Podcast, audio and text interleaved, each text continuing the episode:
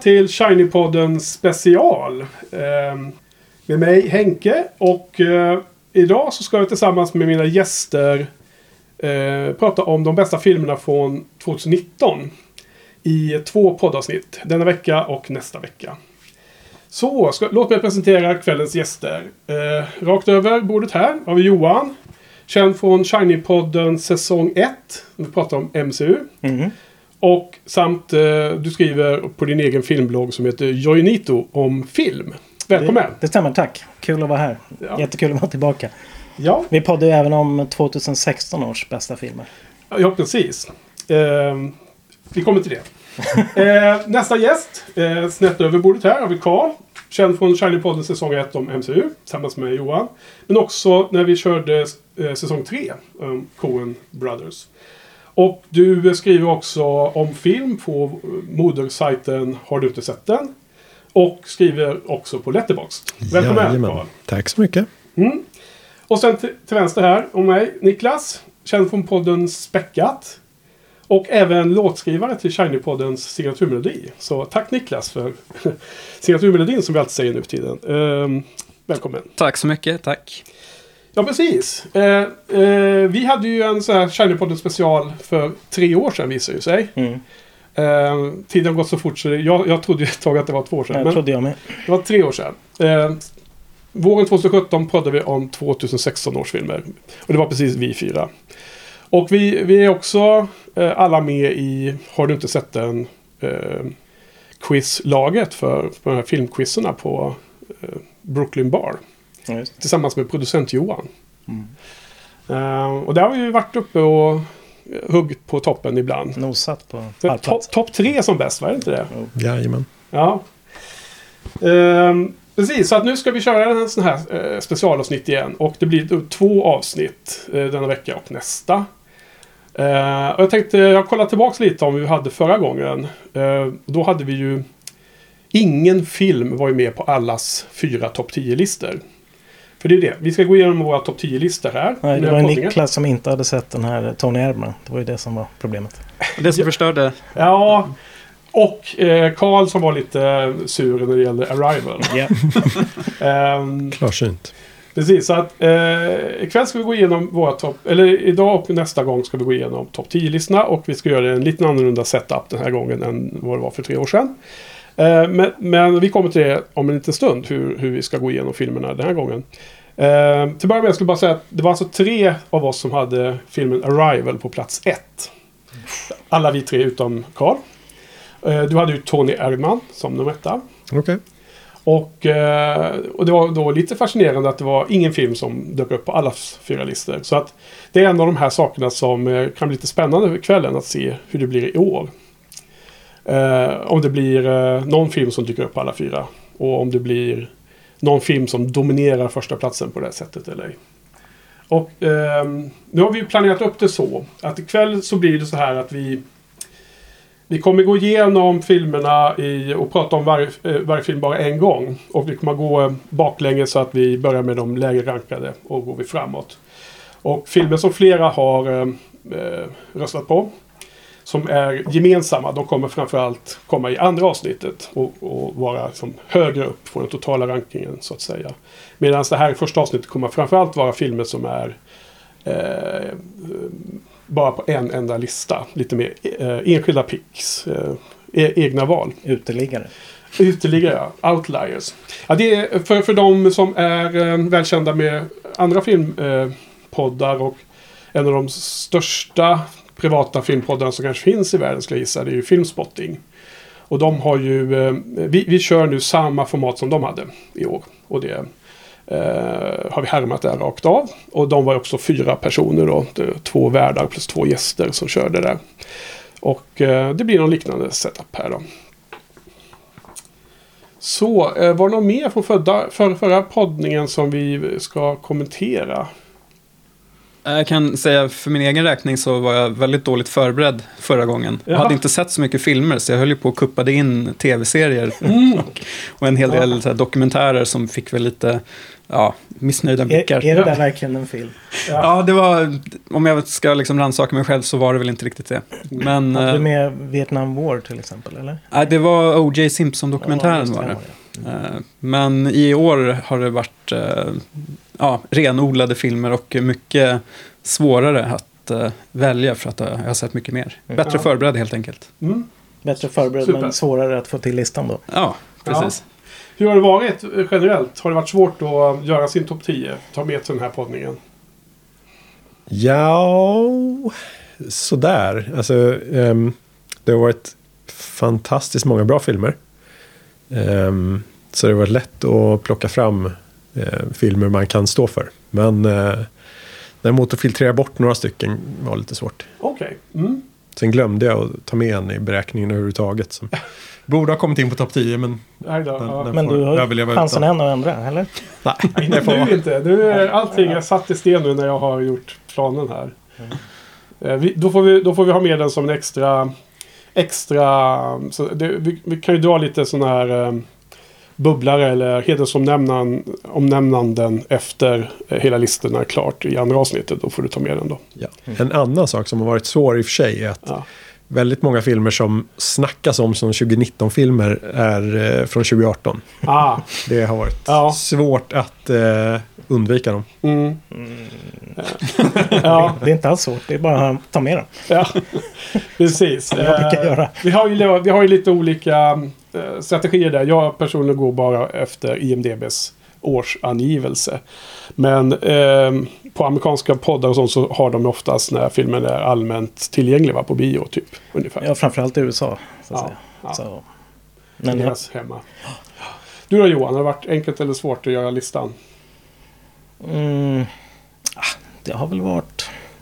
Det svåraste är alltid plats 10. Jaha.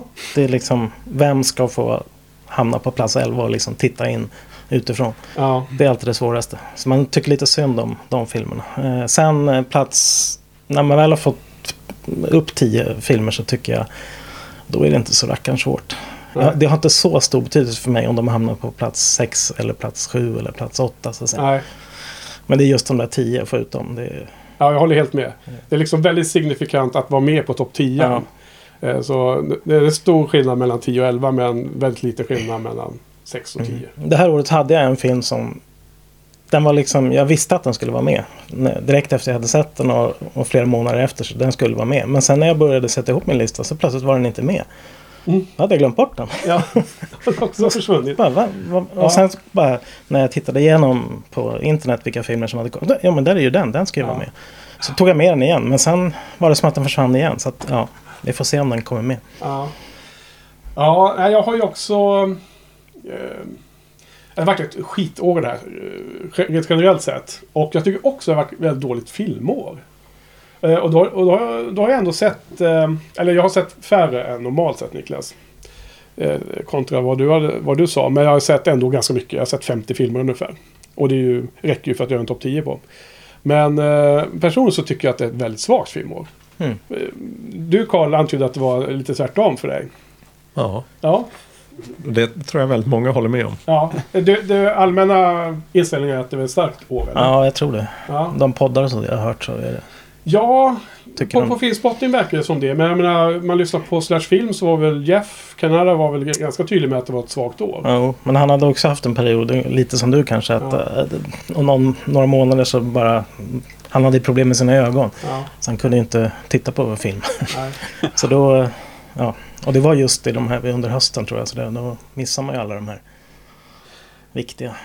Ja, alltså jag, för min del så är topp tre är jag riktigt nöjd med. Men sen är det ganska många filmer som, som har kommit med men som känns som många år kanske de inte har varit med ens. Så är det lite för mig då. Mm. Ja, jag vill tillägga att jag, jag har alltid, de senaste åren har jag alltid tyckt att typ tv, eh, tv-serier är mycket starkare än filmer. Men Ja. nu, den här året tycker jag tvärtom att eh, det var så starkt filmår så att eh, ja, jag, jag hade svårt att ja, få ner det till tio filmer. Jag hade verkligen de här 11, 12, 13 placeringen som Ja. verkligen förtjänade att vara med. Men, Ja. eh, Så jag tycker det har varit ett exceptionellt bra filmår. Spännande. Ja. Vi får se om ni håller med sen när Ja. ni hör mina filmer. Ja, nej, jag, jag eh, tror att my- mycket av mina bubblor är sådana som många andra tycker är jättestarka filmer. Så Ja. att jag, jag, kan, jag kan se storheten i filmskaperiet men det kanske inte har eh, attraherat mina... Eh, eh, exakt vad jag är ute efter om man säger så. Eh, man kan se att filmerna är bra. Jag förstår att många gillar dem och så vidare. Eh, jag tyckte att det var ett spännande år med många spännande releaser. Men de flesta av de här stora eh, releaserna blev man missbelåten med. Alltså, det, är flera sådana stora filmfranchises som har kommit med filmer i år som inte har varit speciellt lyckade. Eh, ja, inte, inte 100% men, men väldigt många. Men, eh, Sista Star Wars till exempel. Det, är ju, det sker bara en gång var eh, 40 år va? Något sånt där. Eh, 43 eller vad är det, år sedan första kom. Så att det var väl något av en besvikelse kan man säga. Den dyker alltså inte upp på någon av våra listor. Vi får se, vi får Den, se. den var helt okej skulle jag säga. Men Ja, fanns det något eh, allmänt eh, tema som var extra fram, eh, framträdande under 2019? Vad, vad, hur var filmåret 2019? Vad handlade det om? ska vi säga det uppenbara? Ja, gärna. Ja, men det är ju det här. Eh, De som är förtryckta mot överklassen så att säga. Ja, Klasskamp. klasskamp och... Rika mot fattiga. Eller tvärtom. Ja, och inte bara det utan även liksom mycket med representation från minoriteter. Mm. Eh, mycket eh, filmer som, som beträdde ny mark om man säger med vilka skådespelare som väljs och så här. Det tycker jag eh, lite är det som inte har varit lika mycket i år som de senaste två, tre åren kanske. Det kanske är en längre trend. Mm, ja, precis. Ser, att ja. det kanske börjar eh, sätta sig lite i bakgrunden så att det bara finns med. Det här med representation. Ja, precis. Ja. Och att man istället nu fokuserar bara på rika mot fattiga. Ja, okej. Oavsett eh, Ja, ras och kön och allt sånt. ja. I så fall så, så är det ju bara bra ju för att eh, man, eh, vissa av de här eh, så säga, politiska inläggen i filmbranschen är ju att man, man vill ju hellre att det ska bara bli bra film. Sen är det skitsamma om det är en svart huvudperson eller om det är någon från eh, Asien eller om det är någon vit. Så kan man hoppas. Ja. Att det är där man hamnar. Så det låter ju bra om det är den som spaningen är. Men det är väl definitivt, som du säger, eh, från Asien, eh, där eh, är det väl att man har tagit ytterligare lite kliv i år. Ja. Med flera filmer med, med Asian Americans. Ja. Jo, det får man ju säga. Precis. Ja, eh, på tal om det ja, så har det ju ny, precis nyligen varit Oscarsgalan. Så jag vet inte om vi, vi behöver inte tjata hela tiden om vilka som har vunnit vad i Oscars. Men vi, vi får väl förhålla oss till det på något sätt här nu. För att det är klart att vi vet ju om nu att vilka som vann och sådär. Och stor vinnare var ju Parasite till exempel. Som för övrigt är asiatisk film då. då. Personligen så såg jag eh, hela galan mer eller mindre dagen efter det gick. Har ni sett galan? Nej. Eh, Bara delar Ja. vissa, Stora delar. vissa priser. Ja. Nej, men det, de senaste åren har det gått på så här webb-tv och sånt. Och då har man inte kunnat se det så lätt i efterhand så vitt jag vet i alla fall. Eh, Men nu gick det på TV4 så det var enkelt att spela in det på, på um, TV-boxen. Så jag kunde liksom spola mig igenom och se det, det som var intressant. Och eh, för mig blev det mer som ett lackmustest. Att man liksom, de, de filmer som jag själv gillade. det blev som en konfirmation att man gillar de filmerna. Man såg clips från dem och hörde dem omnämnas. Och så kände man ja, men den där var ju bra. Så att, ja, men då var det ju rätt att den var på ens lista och så liksom. Så att eh, så, så funkar det för mig då. Mm. Mm.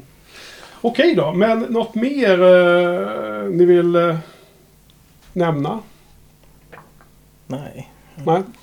Ja, kanske i och för sig om eh, eh, även där kanske representation och sånt. HBTQ-film eh, har ju också varit ganska hett eh, senaste åren kanske.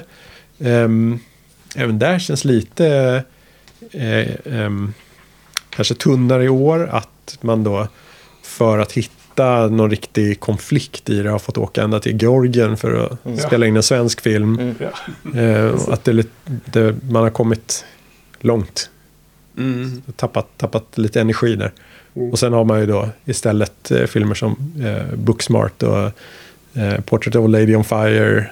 Där det ja, är, är med helt okontroversiellt. Mm, mm, mm. Ja, men då ska vi börja eh, kvällens poddning då, men snart kommer listan här. Så att nu har vi alltså gett två avsnitt. Ehm, det här ikväll så kommer det vara mycket filmer som är bara med på en av listorna som jag sa. Ehm, och vi eh, kommer att spela lite musik från eh, kända filmer från året.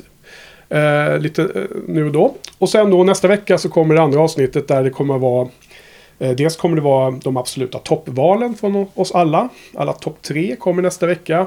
Men det är även då en drös av filmer som då är mer typiskt på flera listor.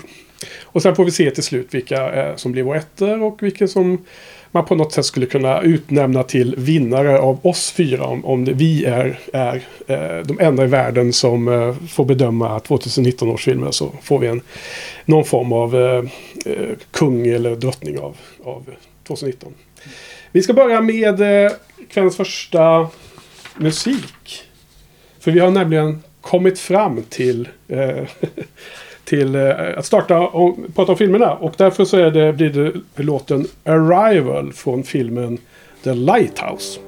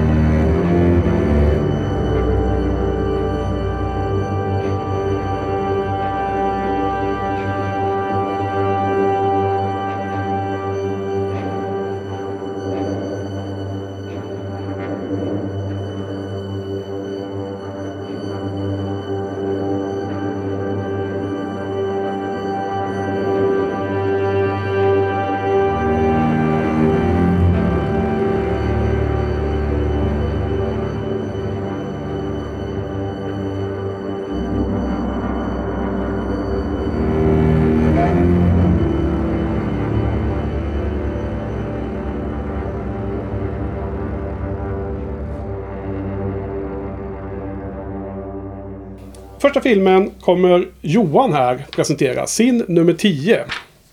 Varsågod. Jaha, okej. Ja. nu vart jag lite chockad för jag trodde det var den film som vi hade musik för. Nej, det blir inte riktigt så. Nej, okej.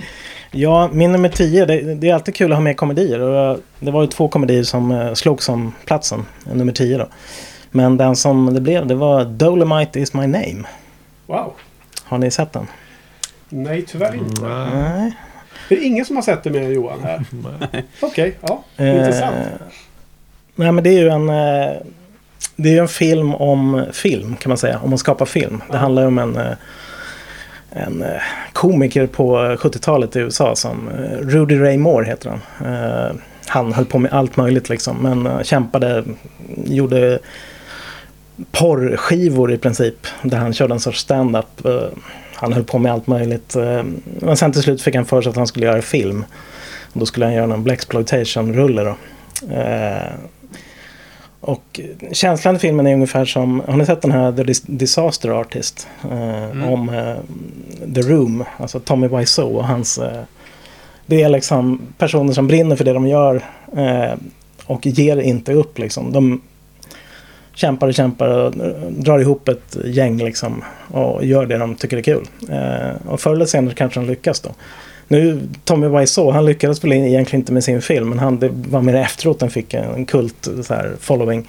Men den här eh, Dolomite då, som filmen heter som han gjorde. Den blev ju en succé bland liksom, svarta i, i USA i storstäderna. Och det var ju liksom en Blaxploitation-komedi. Eh, och man får ju följa då hela liksom, hans, eh, hur han kämpar och strular och till slut får ihop sin film. Och de spelar in på något hotell som de, ett övergivet hotell som de bygger om till studio och liksom kopplar in sig mot eh, elledningen utav, utifrån på gatan för att få liksom el till sina kameror. Och det kommer high school kids liksom och eh, är, är liksom kameraarbetare. Eh, så att, eh, och en annan sak som den har gemensamt med en film, den film som inte kom med, då Knives Out det är att skådisarna verkar ha haft riktigt roligt när de spelade in. Mm. Det är liksom... Ja, för det här är väl eh, Eddie Murphys eh, återkomst lite? Precis, helt rätt. Det är ju Eddie Murphy är tillbaka. Han är inte i fatsuit liksom. Utan han spelar inte Dr. Dolittle eller Klump eller vad heter de? Jag har inte koll på dem där. Alltså jag har ju inget eh,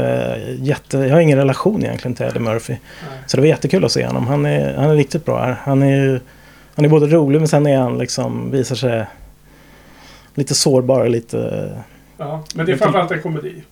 Det är en komedi, en varm eh, feelgood komedi kan man säga. Ja. Sen är det säkert, eh, jag skulle säga att det är romantiserat ganska säkert. Men Mm. resultatet är liksom härligt att se. Så att, nej, det, är, det är min nummer 10. Eh, en, en annan rolig grej är att eh, Wesley Snipes är med Mhm. och spelar Så en... länge sedan man... Ja, och han, han är man ju inte van att se i komedi direkt. Han har faktiskt, eh, långt tillbaka så har han en del komedier. Han har gjort faktiskt med Spike Lee och lite sådär. Eh, men här spelar han en, en divig skådis som blir engagerad och var med i huvudrollen i den här filmen. Och han, först är han ju liksom väldigt sådär, det är liksom över honom. Han ska inte vara med i någon amatörkomedi så att säga. Men han är otroligt rolig. Ja, ja. Skådisens namn det är Derville Martin. Så att, eh, och han finns ju på riktigt då. Så, att det, ja. så den kan jag verkligen rekommendera om ni vill eh, liksom en fredag ni vill må bra. Mm. Bra. Och så är det riktigt bra musik också. Ja. Nästan bättre än det vi hörde alldeles nyss. Ja. Det är liksom sån här funk soul från 70-talet. Ja, det är ju härligt. Ja. Ja, du har ju eh, extra intresse i den genren. Ja. Har vi förstått och följer din eh, Twitter och annat och så. Det stämmer. Ja. Jag gillar sån här my- mysig 70-tals funk framförallt. Nu ska de ju göra Coming to America 2, alltså Mm. En prins i New York, eh, del 2. Så det här är ju bara början på Eddie Murphys Ja. återtåg. Ja. Ja, vi får väl... eh, vi- Jag gissar att vi rekommenderar alla filmer vi kommer att prata om ikväll. Men det är ju bra att eh, då förtydliga li- vilken typ av film och när, när det kan passa extra bra. Mm. Eh, någon annan kommentar på den här filmen då? Tyvärr, vi har inte sett den. Så det är inte så många som kanske har... Den fin, finns på Netflix va? Den det finns på ganska net- lätt. det är en Netflix-film, ja. Precis. Ja, den är kan- gjord av, gjord av Netflix. Eh, Ja, det är, Netflix det är en Original. original. Precis. Jag kan säga att regissören heter Craig Brewer. Jaha. Om ni känner till honom. Han har gjort uh, Hustle and Flow bland annat. Om eh, en musikskapare som, han är väl kriminell. Och så växlar han om och ska bli musiker. Uh, Hiphop-producent och sådär. Den kom och gick. Ja, den var, jag vet Filspotting gillar den verkligen. Ja. Vann väl Oscar för bästa låt. ja, det stämmer. Det stämmer. Hippity hoppity. Mm. Jaha. Ja, någon mer kommentar? Bra? Någonting? Nej? Eh, Okej, ska vi gå vidare? Yes. Eh, tack Johan. Då är det Karls nummer 10. Mm, jag gissar... Ja, eh, jag gissar att ingen annan har eh, sett eh, Mattias et Maxim av Xavier Dolan. Ehm, Nej. Nej, tyvärr inte. nej. Har du sett Niklas? Nej. Nej. Jag har bara sett en film av Dolan. Ja, han är ju eh, kanske fortfarande underbarn från Kanada. Ehm, fransktalande Kanada. Ehm, och eh, en sån där som alltid dyker upp på filmfestivalen. Så jag har väl sett allt han har gjort där. Det. Ehm, och det här är då en film som vanligt. Lite strulig relation till sin mor. Han eh, ehm, spelar huvudrollen själv då, den är Dolan. Ehm, han är, har lite spänd eh, relation även till sin bästa kompis. Eh, efter att de eh, eh tvingas kyssa varandra på film. Eh, för eh, någon i deras kompisgäng har en syrra som ska göra en film. Hon har varit i USA tror jag och eh, har lärt sig filma och ska göra någon liten dum indiefilm. Um, de tvingas kyssa varandra och sen går en massa tid och så är det spända relationer där. De, eh, mm, äh, det händer inte så mycket. De hänger i kompisgänget. Eh, huvudpersonen ska eh, lämna Kanada. Kanske för att eh, ja, han inte funkar med, med de personerna som är där. Ehm, wow. Det är ungefär det. Ja, det End credits. låter lockande. Det, det låter som eh, man är all in. Eh, spända relationer för att det finns eh, kärlek och inte kärlek inblandat från de ja. olika, olika aktörerna kanske.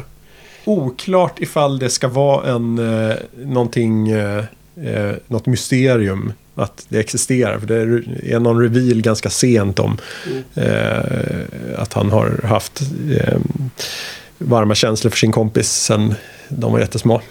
Eh, och eh, kompisen har då, han har just gift sig med en, med en kvinna, så inte intresserad åt det hållet.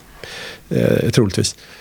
Um, men det är, det är något med den här filmen, trots att den är eh, riktigt eh, risig historia egentligen. Väldigt eh, eh banalt, inte nyskapande för att vara eh, Dolan överhuvudtaget. Men eh, det är skön stämning i kompisgänget, lite goodwill hunting. Eh, mm. Väldigt eh, sådär väl etablerat att det här är ett kompisgäng i en liten del av stan som har hängt eh, hela livet.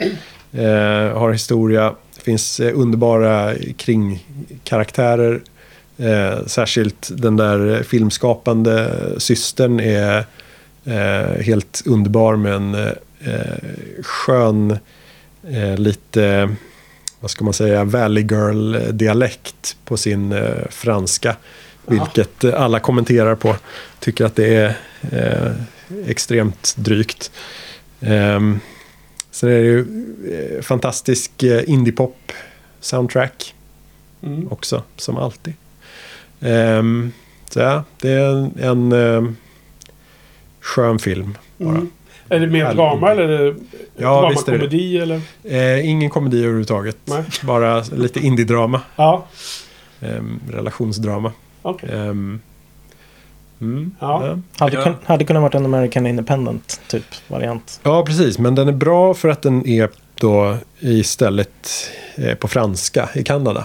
Ja. Så, och det... Gör, det, en, gör det, en annan feeling än American Independent eller? Ja, alltså... Um, passionerade känslor funkar ju bättre på franska än på engelska.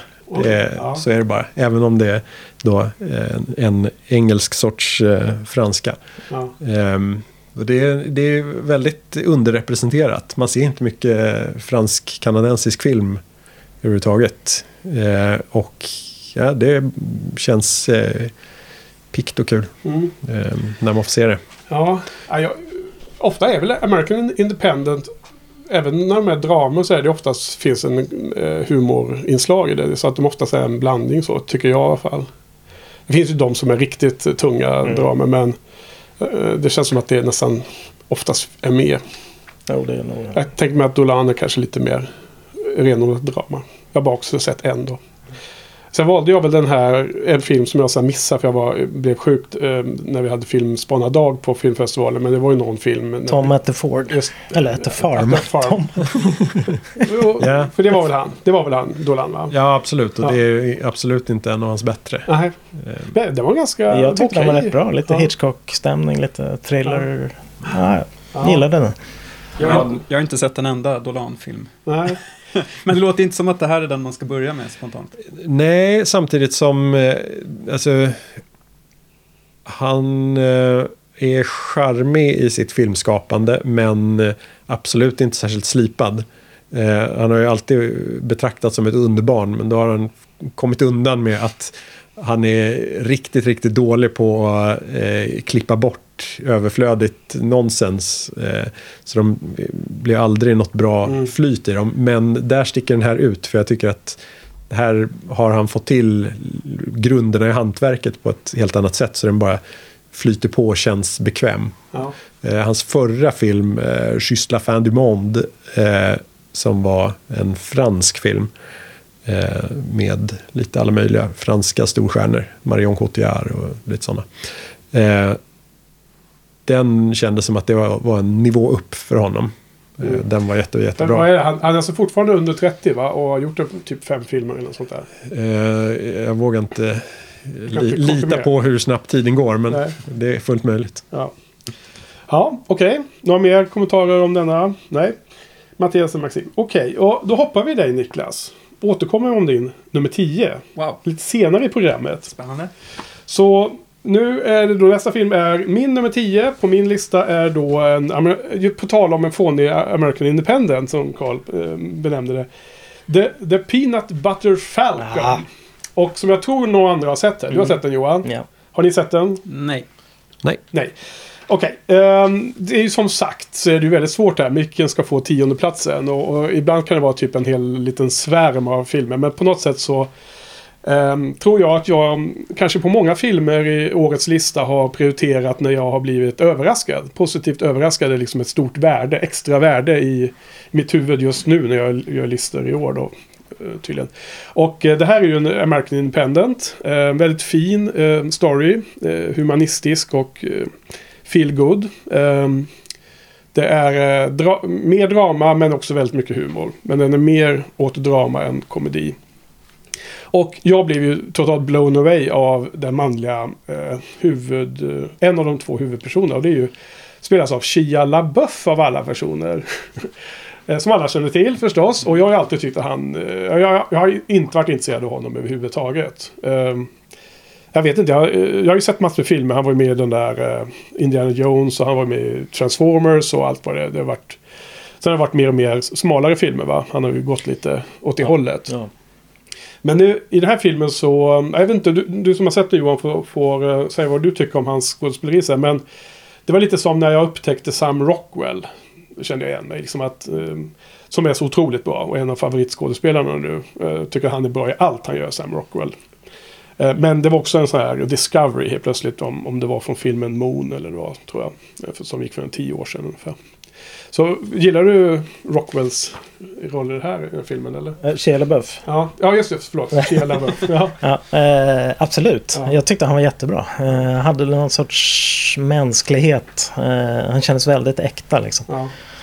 Eh, och om man, har, om man liksom har koll på hans historik. Så för typ två, tre år sedan var jag inlagd på någon sån här alltså rehab-klinik och skulle i princip ta livet av sig. Alltså han mådde skitdåligt. Ja.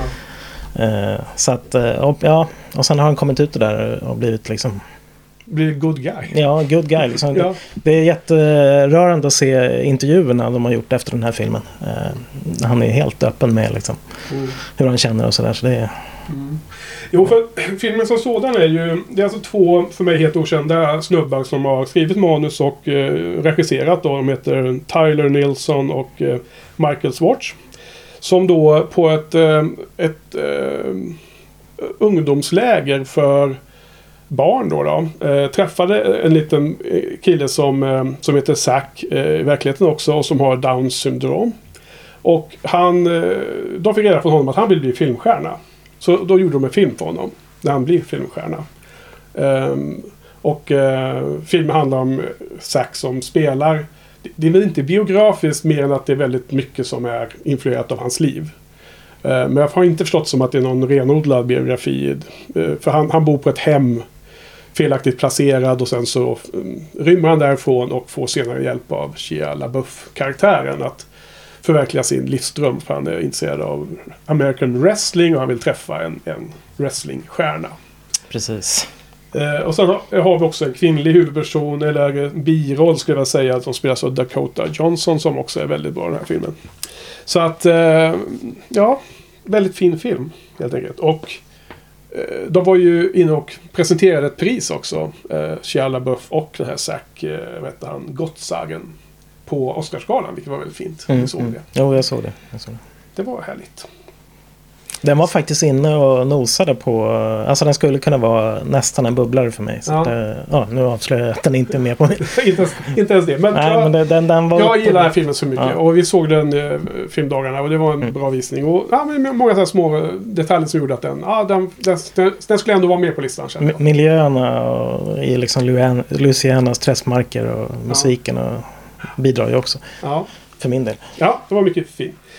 Så, men då ska vi gå över till Niklas. Då får vi hoppa fram till nummer åtta. För att eh, vi får återkomma om din nia också. Så att nu, Niklas presenterar sin nummer åtta på listan. Just det. Eh, ja, när... Precis. När, eh, när det börjar pratas om eh, långsam sci-fi med uh, stor budget och stora stjärnor i rollerna, då, då spetsar jag öronen direkt. Och Ad Astra är ju en sån eh, film. Eh, där då Brad Pitt spelar den här eh, astronauten som hans pappa, spelad av Tom Lee Jones, är någon typ av legendar i liksom rymdprogrammet. Och han har då försvunnit massa år tidigare när han är ute på en expedition.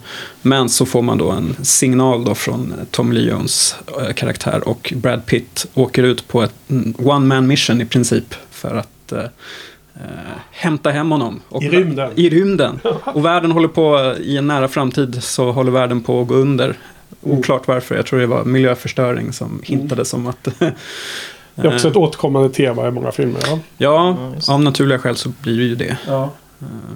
Ja, eh, och eh, jag tycker att Ad Astra, ehm, alltså lite som Blade Runner 2049, också extremt långsam sci-fi, eh, så tycker jag att det här levererade. Inte riktigt lika bra, men jag gillar Alltså, dels då tempot som sagt.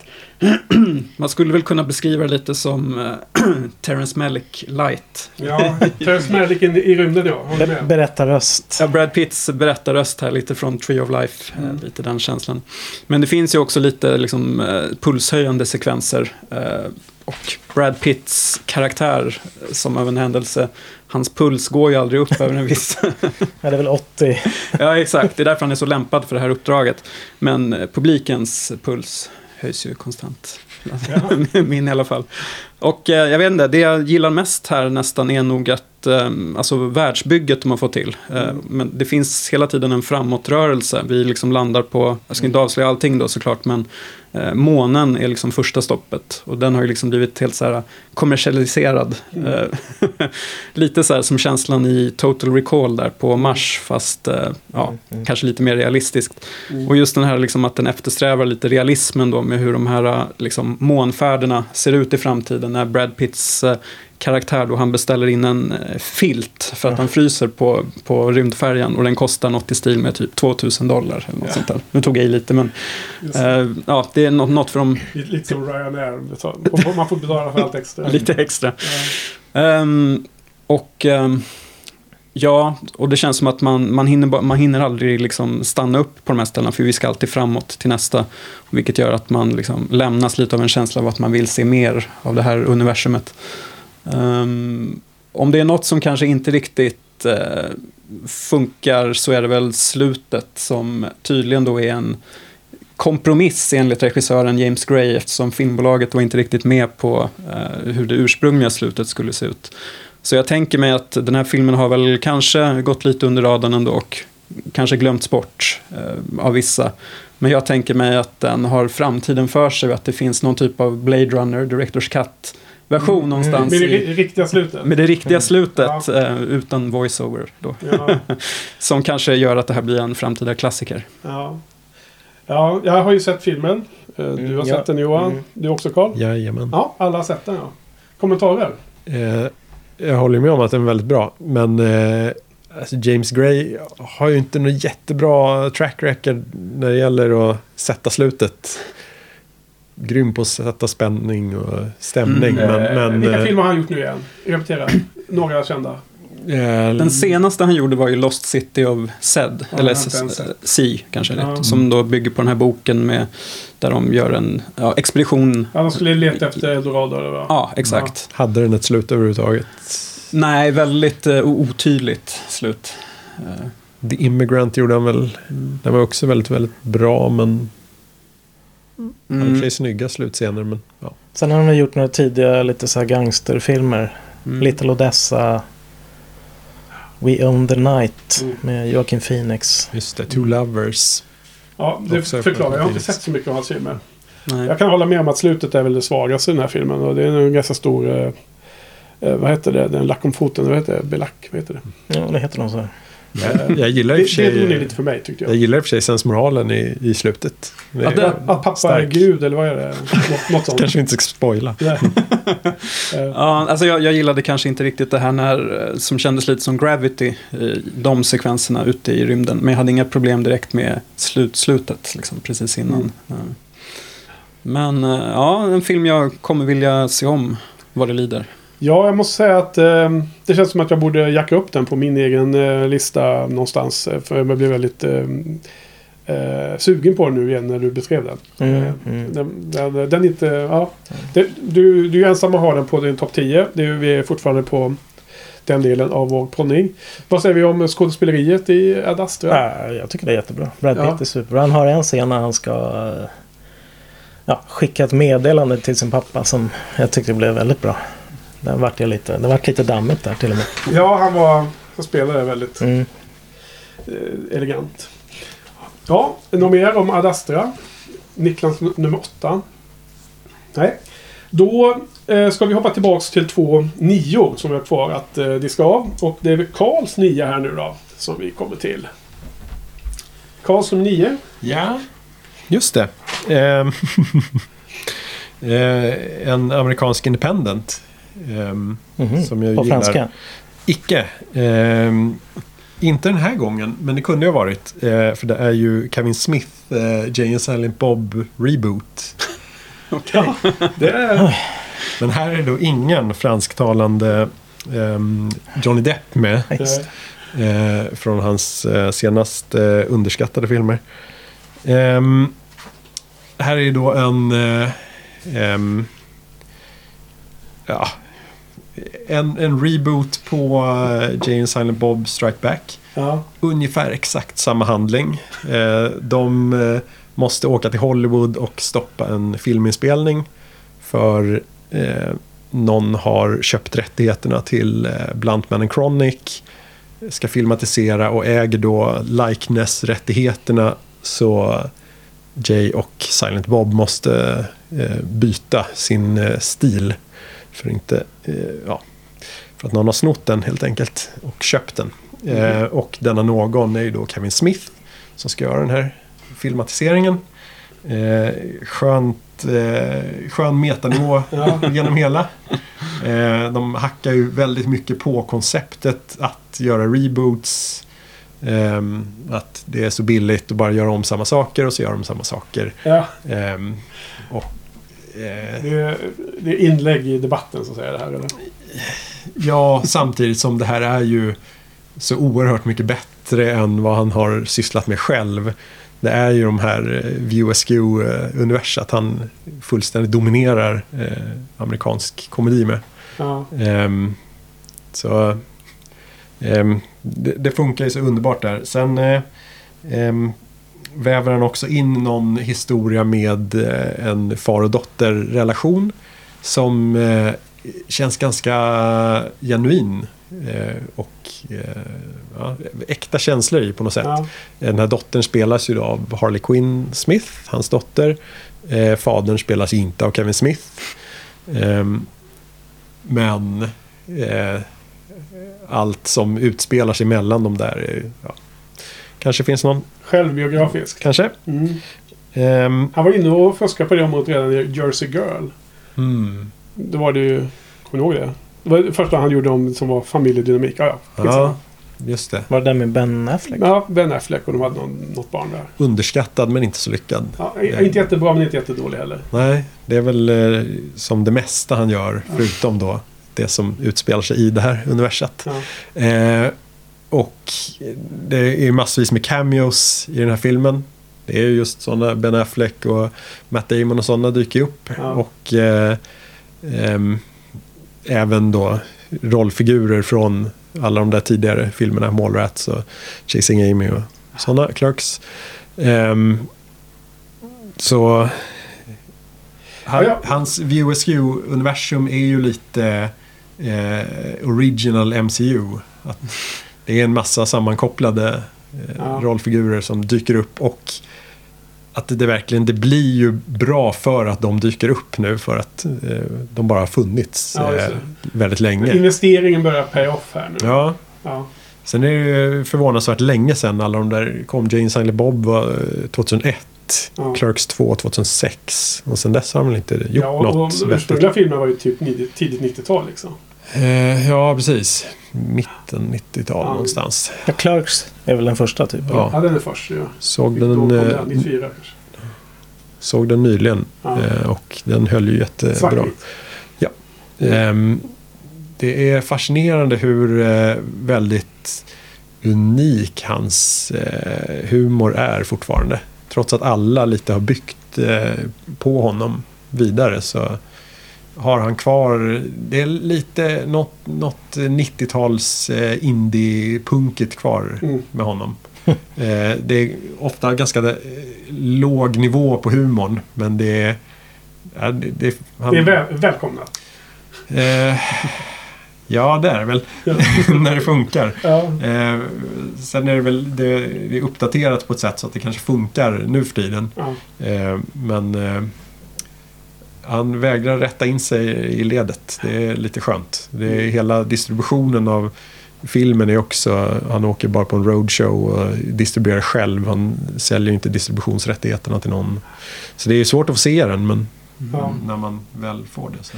ja, är det någon annan som har sett den här runt bordet? Nej, Nej. Jag har inte heller sett den faktiskt. ganska dålig på Karen Smith överlag faktiskt.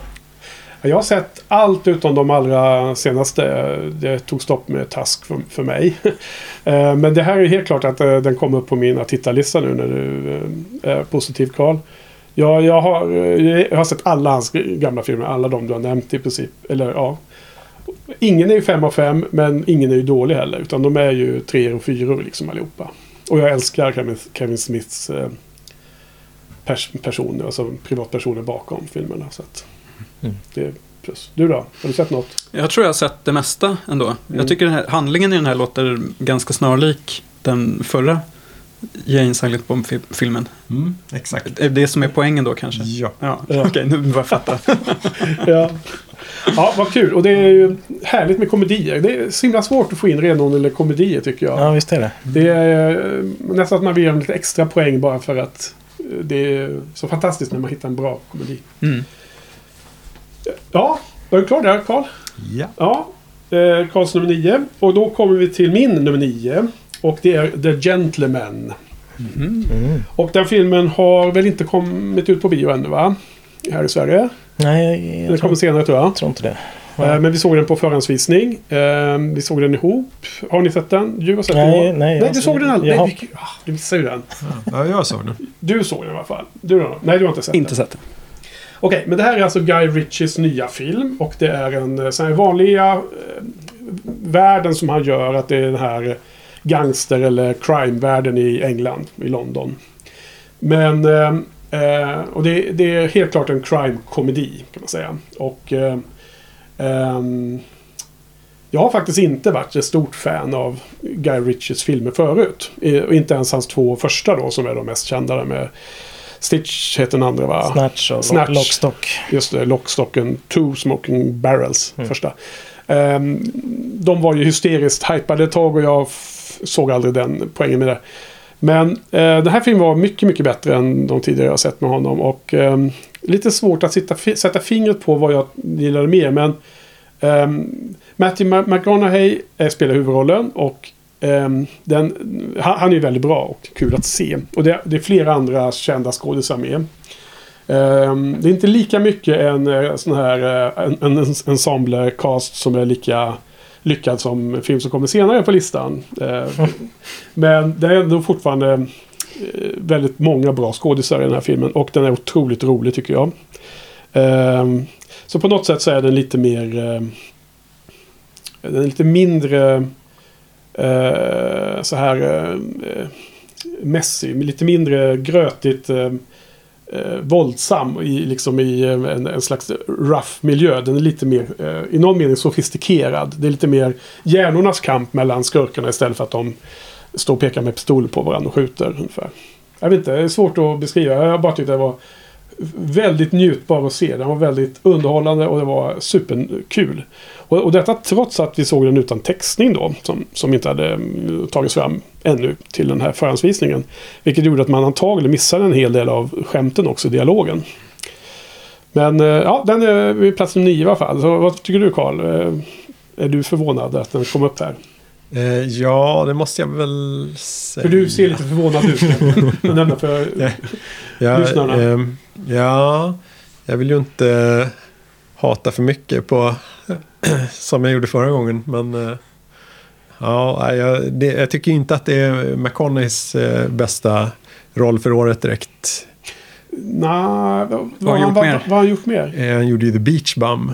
Ja, just det. Just det. Den har ju med hästlängder. Ja, den var ju också väldigt festlig. Eh, sen, ja, jag, mm, Colin Farrell däremot, underbar. Ja. Han eh, tar med sig eh, ehm, saker från Martin McDonough in i... Ja, och från Snatch-filmen. Det var ju tydlig lik, eh, länk tycker jag till den filmen. Mm. Eh, Men jag gillar han också här. Han tyckte den var festlig. Hugh Grant. Han är ju väldigt, väldigt eh, eh, skön. Eh, han, har, han har hittat någon trevlig dialekt. Jobbar hårt, men eh, alla vändningar i berättelsen. eh, Vissa tror jag inte ens går ihop. Och för det mesta så bryr man sig inte riktigt vad som händer mot slutet. Eh, Det, det, ja, jag tycker att den är jätte, jättedåligt berättad helt enkelt. Mm. Ja, det är många vändningar och så. Och, eh, men det var en skön film att se. Alltså, jag, Ibland den räcker är, det. Ja, den är fartfylld eh, och flyter på. Det, Ja. det kan jag absolut hålla med om. Det var liksom det här att... Eh, det var ju de mest Stockholms filmdagar man ser förhandsvisningar och man får välja på det som bjuds då på den timeslotten. Och det var det enda som var aktuellt för mig och gick in med väldigt låga förväntningar eftersom jag inte har varit stor fan tidigare. Och gick ut med ett stort brett leende och sa ja det var ju den bästa filmen på filmdagarna så ja, nice. Men hur är det? Den utspelar sig i England, i London typ? Ja, McConaughey spelar en, eh, en Ja, jag, jag tänkte egentligen på eh, hur är det med dialekterna? Du är ju lite känslig Nej, för jag är inte jätte... Ja, alltså jo, du menar... Brit- brittisk sån Ja, brittisk eh, arbetarklassdialekter. arbets- ja, Nej, men ja, det, det är inte för, för, förutom just, eh, vad heter han eh, som du nämnde? Hugh Grant. Nej, nej. eh, Colin Farrell. Colin Farrell kör ju med dialekt här va. Så är det ju inte. Utan det, det är snarare lite mer klassiskt brittiska de pratar. Och han pratar väl mer eller mindre amerikanska gissar jag. Kommer inte ihåg att han hade någon speciell dialekt. Men istället för att det är eh, en massa losers som springer omkring med avstågade hagelbössor så är det liksom det, det, det är någon slags, eh, okej, kanske grötig då story om några mm, konflikter mellan olika maktcentra som i, i eh, distribution runt Mariana. Och han spelar en, eh, en typ crime-boss då med eh, moral i någon mening kvar. Ja, och så är det olika förvecklingar. Ja. Festlig. Ja, men okej. Nog om den nu då. Så, nu har vi då diskat av eh, sex filmer och eh, täckt in eh, nivåerna 8, 9 och 10. Eh, och då är det alltså så att om inte alla filmer kommer upp ännu så betyder det att de är med senare för att eh, anta- då har ni eh, filmer som är eh, med på minst två listor. Så då kommer vi till eh, allas nummer sju och då är det ingen som är med där heller nu för att alla sjuorna ni har är på minst två listor. Så eh, eh, vi återkommer till dem också. Vi ska gå vidare, men först ska, kom, har vi lite musik här igen. Och nu är det då låten eh, från filmen Ad Astra som var Niklas nummer åtta. Låten To the Stars.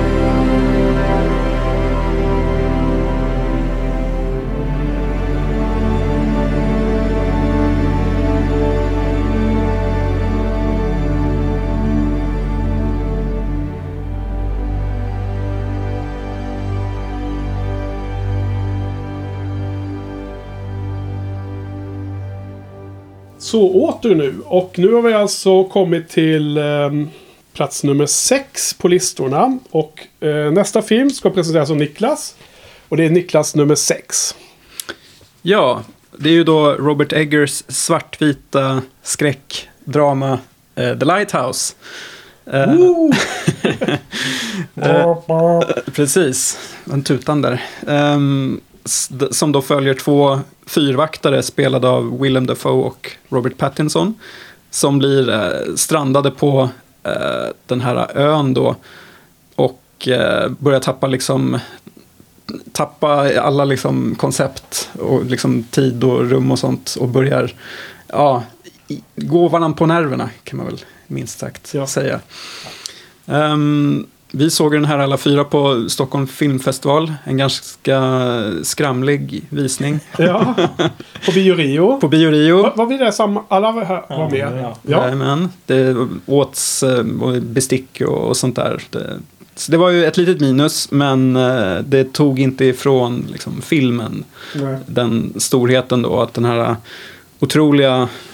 Inte, han lyckas få till en sån närvarokänsla i, i det här dels svartvita greppet men också precis som han gjorde i The Witch så har han ju använt liksom, eh, riktiga texter från den tidseran. Ja. Och nu har han i The Lighthouse då liksom använt gamla fyrvaktarhistorier, eller fyrvaktartexter då. Och använt som repliker i den här dialogbytena. Och det är ju verkligen så här, man, man känner sig som flugan på väggen här. Eh, Man sitter bara och tittar på och ser hur den här galenskaperna eskalerar. Och eh, ja, till slut så slutar det kanske ganska illa. Ja. Eventuellt. Ja. Ja. Vad tycker ni killar? Ja, Jag gillar ju verkligen The Witch. Eller The Witch. The Witch. Ja. Eh, han stavar ju det med två V istället för W. Lite sådär pretto. Eh, men eh, och egentligen är de ganska lika. Att de skapar en oerhört bra så här, miljö. Liksom. Tidskänslan och, och sådär. Men av någon anledning så funkade inte The Lighthouse för mig. Jag fick klåda. Kanske på grund, delvis på grund av visningen som inte var optimal. Då, men eh, nej, jag vet inte. Jag kände inte att den där lirade för mig.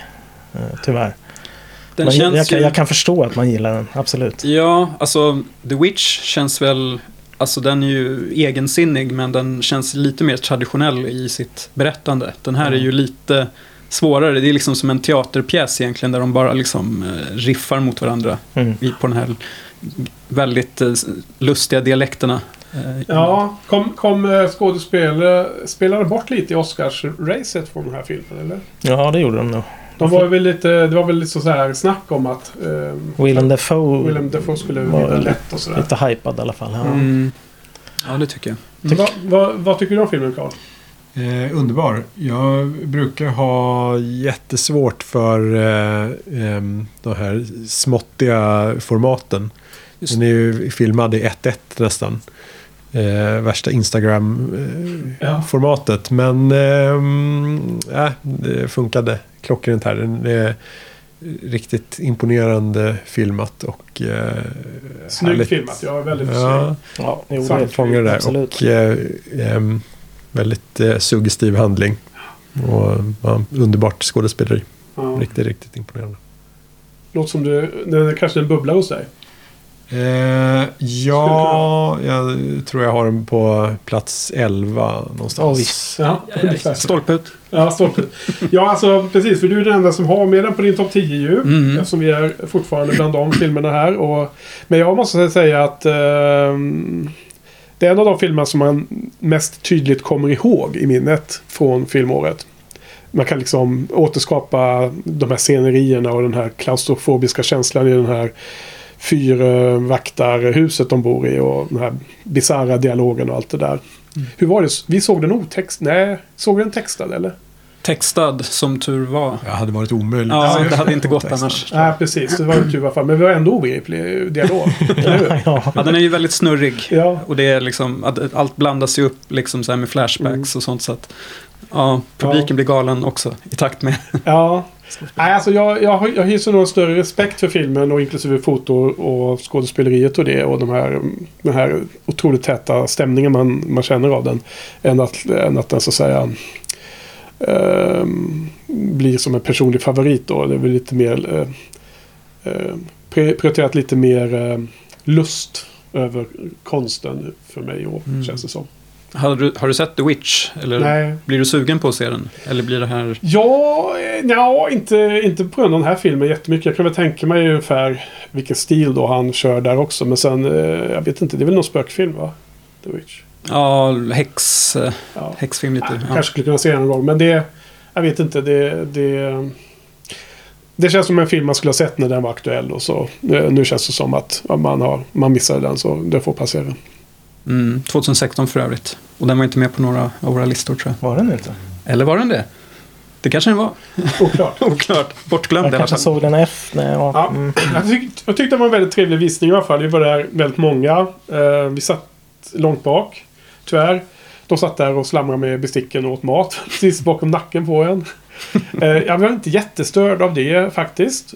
Eh, men, eh, men jag kan mycket väl förstå Johan att en sån här film som bygger väldigt mycket på stämning så är det ju väldigt störande man helt plötsligt dras ut ur filmens värld. Där man hela tiden hör att det är någon som håller på. Slafsar. Ja men inte ens lassan, det var ju som metallbestick på riktig porslin. Ja, som dukades av också mitt under filmen så att eh, slamra ännu I film, filmsalongen att de inte ens har papp och plast och sådär och att det liksom blir lite tystare. Utan det var ju där liksom. Och sen när det är liksom ljudet är 7 cm ifrån Johans öra då kan man ju förstå att Ja, filmens stämning blir lite krossad då och då. ett, ett tips då till alla är att inte sitta längst bak Ja. i Bio Rio-salongen. Det, det kan ha varit jag som gick först in på den raden. Ja, det var ditt fel. Det kanske var mitt fel. Ja, den är inte jättedjup. Så det finns ju inte hur många rader. Så det är ganska få rader med ganska bred salong. Så att eh, vi kanske skulle ha suttit lite längre fram ändå. Sen eh, en annan grej är att på den visningen så efter när den var slut så eh, gick vi ut, snackade lite. Jag och tog bussen bort till Fridhemsplan och sen så när jag klev av bussen så bara, vad fan är min ryggsäck? Mm. Hade jag ryggsäcken glömt den under sätet på Bio Rio. Ja. Så att hela den där, vi, hela den kvällen bra liksom, fick åka tillbaka. Så. Men det ska vi inte filmen lida av ändå? Jo, Jo, ja, ja, det är sant. Det är filmens fel. Ja, nej men eh, kul val. Japp. Det är lite annorlunda film. Sticker ut. Eh, några mer kommentarer där? Nej. Eh, då tar vi nästa, nummer sex. Och det är min. Jag har eh, flera filmer, fler än er faktiskt, som är unika för min lista. Så jag får många, många slots, eh, timeslots här nu i första avsnittet. Och här är det en film som jag direkt vill säga att det är bara av ren njutning. Och sen får ni kasta hat hur mycket ni vill på det här. Men det är filmen Six Underground. Som då givetvis får plats nummer sex. Ehm, by design och det är ju då ehm, eh, allmänt eh, hatad Michael Bay som har regisserat. Eh, vilket då passar väldigt väl för den här typen av film visar det sig. Men det är ju framförallt Ryan Reynolds film. Och det är framförallt de här manusförfattarna som tillsammans med Ryan Reynolds gör Deadpool, Deadpool-filmerna som jag älskar. Som är så otroligt festliga. De heter Paul Wernick och Rhett Reese. Så att den, den här eh, trion har gjort Deadpool 1 och Deadpool 2. De har för övrigt också skrivit Zombieland, en annan film som man älskar. Och det här är lite som en Deadpool-film fast i en Mission Impossible eller, eller en av de nyare Fast and the Furious, Furious-världarna. Där det är liksom, de åker omkring på nice locations och gör actionscener. Ja. Och ehm, Reynolds är ju fantastisk tycker jag. Han är ju den näst bästa Reynolds. Ehm, Näst bästa. Vem är den bästa? Vem är den bästa? ja men det är... ehm, eh, det får man tänka ut själv. Okej, Ja, ja. Burt. Ja, det kanske det är. Kan vara. Ehm, och sen...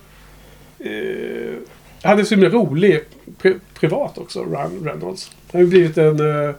Han har blommat upp de senaste åren här kände jag. Och det är som du nämnde Johan vid ett annat tillfälle att det kanske påverkar lite, eller för mig påverkar lite, och, som, vi, som vi pratade om rättare sagt, du och Johan.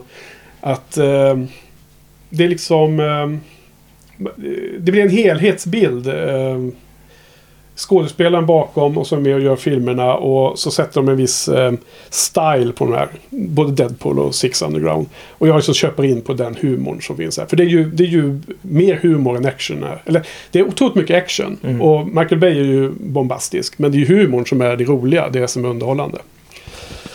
Och... Eh, eh, så han spelar då en jätterik man som eh, blir pissed off på onda eh, envåldshärskare, dikt, dikta, diktatorer eh, och, och krigs... Eh, warmongers. Eller någon, någon, någon som har sett filmen här. Jag har sett den. Du har sett den? Ja. Ni två? Nej. Okej, då ska vi snart höra vad du tycker Johan. Eh, men i alla fall, den här rika mannen går under jorden och sätter ihop ett, eh, ett team med specialister. Och sen ger han sig ut för att jaga de här eh, eländiga, hemska eh, personerna då. Som är på hans kill-list. Han har en kill-list på nio namn. Vilket är så lustigt för att det känns ju som att det är upplagt för en franchise här då. Det beror väl på hur mycket filmerna säljer såklart. Om det blir en franchise eller inte. Och äh, den är fantastisk, det tycker jag. Den är otroligt underhållande. Men- men säg, visst- säg vad, vad, vad, vad tycker du Johan? Uh, alltså jag var ju inte speciellt underhållen. Nej. Nej, nej. Jag, jag, vet, inte, jag har inte så mycket att säga. Jag hade ganska tråkigt faktiskt när jag såg den. Ja. Men vad, Så- så har, det- du, det har du sett Deadpool-filmen? Ja, ja. ja de, Vad- är helt, vad de, är helt, de är helt okej. Helt Där- okej, ja, Bättre där- än det här? Ja, ja. Det är bättre. Eh, jag vet inte om Michael Bay, eh, hans stil i actionen som inte funkar för mig. Jag är ganska... Jag gillar ju fin och snygg action. Ja. Och jag, jag tycker inte han får till det, Michael Bay, riktigt. Nej. Jag gillar inte hans stil. Jag och tycker hu- att- humorn vägde liksom inte upp eh, riktigt. Nej, jag, jag vet att du brukar inte gilla sådana här, refer, eh, kult, så här popkulturella referenser och den metanivån på vissa eh, saker. Och det är ju jag stor fan av ofta. ja. När det är för mycket sånt så, så, så sparkar jag bakut. Ja. Jag blir... Ja. Ja, när, när det gäller actionsekvenserna så är det ju det är inte den här typen av Born Identity där de slåss på... Det känns som att de slåss på riktigt och att det verkligen är liksom blodigt och jävligt liksom. Att det blir väldigt så här påtagligt. Du vet, hela actionfilmsbranschen höjdes lite när de kom där tyckte jag i början på 20, 2002 eller vad det var. Eh, det är det ju inte, utan det är mer likt de här eh, Tom Cruise eh, set pieces i Mission Impossible. Och även vissa av de här Fast and Furious. Fast det känns som att inget är på riktigt. Det, men det är inte lika bra då, i detta. Nej, Ja. då blir det inte lika bra. Nej. Och sen, just det, sen minns jag att jag, de här personerna som är de här Six Underground. Under filmen så får du ju backstoryn till varje person. Ja. Förutom en. Som Ja. jag tror är nummer fem. Och jag Och bara då, satt blir, och, då blir du helt störd. jag satt och väntade hela filmen det. Det funkar inte det för dig? Ja, nej, okej. ja. Ja. Ja, ja. Nej, men jag, jag, det är humorn i det här som är uh, selling point. Det är Ryan Reynolds. Det är... ehm, eh, jag tycker det är en bra, skön stil. Jag, jag har inte skrivit upp alla skådespelarna och andra. Men det är några kända namn där också. Uh, och Och vi, visst är det här en Netflix-film också? så, eh, kommer inte ihåg. Ja, jag tror, det- Jo, tror, det det. tror faktiskt det är en sån där. Den kom direkt till Netflix. Ja, ja just det. Det har inte gått på bio. Nej, så och... Observera då att jag brukar inte prioritera de här stora actionscenerna ändå i de andra filmerna eh, jämfört med. Liksom det, är, det, är, det är inte det viktigaste för mig i vilket fall. Även för de mm, Mission Impossible till exempel. Så det är också där då eh, karaktärerna och dialogen och de, de, de sakerna som jag tycker är kul. Så det var min eh, nummer sex. Och jag får väl avslöja då. Nej men den bästa av Reynolds är ju Malcolm Reynolds. Eh, kapten på Firefly. Ah. Jaha, det kunde man ju Okej. ha listat ut kanske. Ja, ja. Så, så Ryan får vara den, den, den näst bästa. Second. Så det var den. Eh, Six Underground. Eh, Michael Bay. Sjätte bästa filmen. Ja. Vi har en sexa kvar att gå igenom. Och det är åter till Karl nu då. Jaså. Chockerande i så fall. Eh, ändå. Eh, att jag är den enda som har Ass. Av Jordan Peele. Ja. Eh, den var ju så bra så jag sprang och såg den två gånger. Eh, ja, den har jag sett. Mm. Ja. Vi har alla sett den. Ja, ja. ja men det är väl bara att konstatera. Alltså att, ja. Ja, det var så länge sedan. Så det, Ja, precis. Ehm, handlar ju om en, eh, en eh, hyfsat eh, välbeställd medelklassfamilj i USA. Eh, som åker på semester och eh, blir anfallna av sina dubbelgångare. Mm. ja. Och sen eh, följer någon sorts eh, sån zombie-apokalypsartad eh, film när dubbelgångare ska eh, ha livet av sina... Eh, Original. ja, precis. Eh, eller vilka Så är det väl. original. ja. Ja. Jo, men så är det väl. Ehm, det är ehm, Jordan Peels uppföljare till Get Out. Som var eh, överhypad eh, skräckfilm. Det här är ju då också en eh, skräckfilm med mycket humor och eh, mycket eh, em, politisk substans kanske. Mm. Eh, mycket, mycket spretigare. Mm. Eh, möjligtvis. Ehm, väldigt, väldigt eh, ehm, överladdad på ehm, symboler. Ehm, Saxar, kaniner, Ja, precis. Allt, allt handskar. är bara fullt med starkt symbolvärde. Inte jättetydligt exakt vad alla symboler ska eh, Ja, betyda. men det, precis. det känns som att han har spänt bågen mycket mer i den här än i, än i Get Out. Håller du med om det?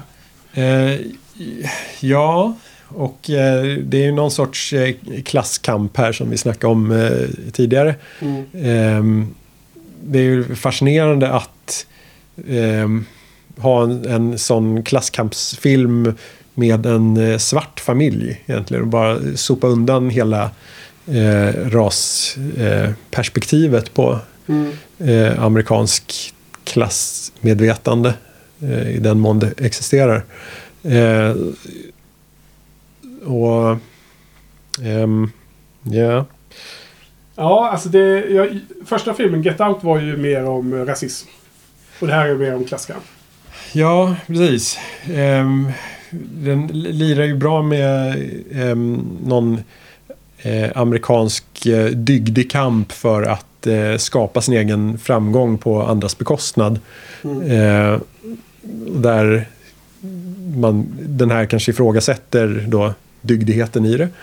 Eh, men samtidigt som den då inte ger några direkta svar kan man väl inte säga. Nej, svar inte. Den, den belyser det faktum att det alltid finns någon som betalar ett pris för att någon annan har fått det bättre. Ja. Någon mening. Och det, det är ju sällsynt i... ja, Jag misstänker att det dyker upp andra eh, amerikanska klassperspektiv eh, på folks listor. Där det då absolut inte finns något medvetande om att eh, det inte är så enkelt eh, som att några med pengar är dumma och all, de som inte har pengar är snälla. Ja, Ehm, så Nej, är inte så? ja precis. precis. Det är det de alla matas med. Så det borde väl vara en enkel lösning. Eller Ja. sv- svar, svar på problemformuleringen. Men det här är då också en eh, väldigt effektiv skräckfilm. Mm. Eh, många riktigt eh, skrämmande scener man hoppar till. Vissa som bara är, är eh, hemska i eh, tortyrliknande förhållanden som stackars dubbelgångarna lever. Ja. Ja, nej alltså jag, jag såg den här och eh, det var en superskön visning på bion just eh, med den här skräckfilmsfasen i filmen om man säger så. Ja. Ehm, och jag, jag, jag, tycker att första halvan är jättebra. Men jag tycker att andra halvan så derailade det ganska rejält för mig. Ja. Och eh, jag tyckte att Get Out var ju så jäkla bra. Och den var med på min topp 10 från det året. Högt upp, hon var topp 5 till och med. Och eh, båda ballar ur i någon mening mot slutet. Men jag tycker att han höll ihop det i Get Out väldigt väl. Och här så tyckte jag att det, han, han förlorade mig lite någonstans längs vägen där. Eh, och det var inte det att jag, man behöver ha svar på hur man löser det. Utan det var bara att hela, hela ambitionen att med symbolik visa på, på det, det han vill berätta om blev lite för... Det känns som att han hade för många idéer eller för... Han spände bågen för lite för mycket för, för att det funkade tycker jag. Jag, jag. tyckte att Get Out var en simplare film i någon mening men också att det funkade bättre. Det var bättre att göra det eh, eh, enkelt är bra ibland. Mm. Men ja, jag gillar filmen mycket men var tyvärr att andra halvan liksom inte... Mm. Ja, ja, den var... Den är väl på min topp 20 då, kan man Mm. säga. Jag tyckte Get Out var ju mer helgjuten, som sagt. Men den här är ju intressantare på ett sätt. I att det känns som att han har fått ta ut svängarna eh, lite som han vill utan att någon har liksom stoppat honom. Och då blir det ganska in- intressant. Så det kändes som att jag hellre vill se om Us än, om jag, än vad jag vill se om Get Out. Ja, egentligen. det kan jag i sig... eh, För det finns lite grejer som liksom ligger i bakhuvudet där Ja. från Us som man inte riktigt har fått ihop ännu. Och det vet Ja. man inte om det beror på strukturen eller liksom storyn eller någonting. Mm. Så Om det ens är meningen att man ska få ihop det. ja, Det ska bara vara känslor kanske. så kanske det ska vara. Sen eh, måste man väl säga att Lupita Nyong'o Mm. blev fullständigt rånad eh, och inte blev Oscarsnominerad. Ja, det, håller jag, det håller jag med om. Mm. Eh, Kvinnlig huvudperson ja. ja. Hon som vann eh, Renée Zellweger var ju helt absurt. Känns det som. Har ni, har ni sett den? Nej, Judy? men jag kan säga att det var så absurt ändå. Det var absurt ändå. Det vet jag inget om, men vissa av de nominerade kan man... Vilka fler var nominerade? Saoirse Ronan, Ja, och Scarlett Johansson var ju, Johansson var ju Ja. för Marriage eh, Story. eh, Marriage Story och eh, vad var det mer? Ja, fler behöver man inte nämna. Eh, Ja, ja. Men Johan, vad tycker du om Ass? Jag är lite inne på din linje där Henke. Jag gillade verkligen början. Första halvan typ. Uppbyggnaden, mysteriet. Första gången de här dubbelgångarna dyker upp. Ja, det var så rysligt. Läskigt, de står på garageuppgången där. Så. Sen det som är, han inte får ihop då, enligt mig, då, det är ju liksom rent, alltså vad ska man säga, världsbyggandet och logiken i vad som har hänt i den här undre världen och hur, hur det hänger ihop liksom. Ja, det, det bara, det tog tvärstopp. Jag tappade helt liksom, filmen i det läget. Och sen eh, syftet med en viss manifestation som görs i slutet eh, förstod jag inte heller. Mm. Men det kan ju vara något sånt som Niklas är inne på att det är något som, ja, om man ser om den kanske man förstår. Ja. Det var en återblick på en eh, amerikansk historisk händelse. Ja, Precis. Ja. ja men Karl, eh, intressant val. Bra val. Den är ju med, med, på många listor. Runt om på andra. Ute i, på, ja.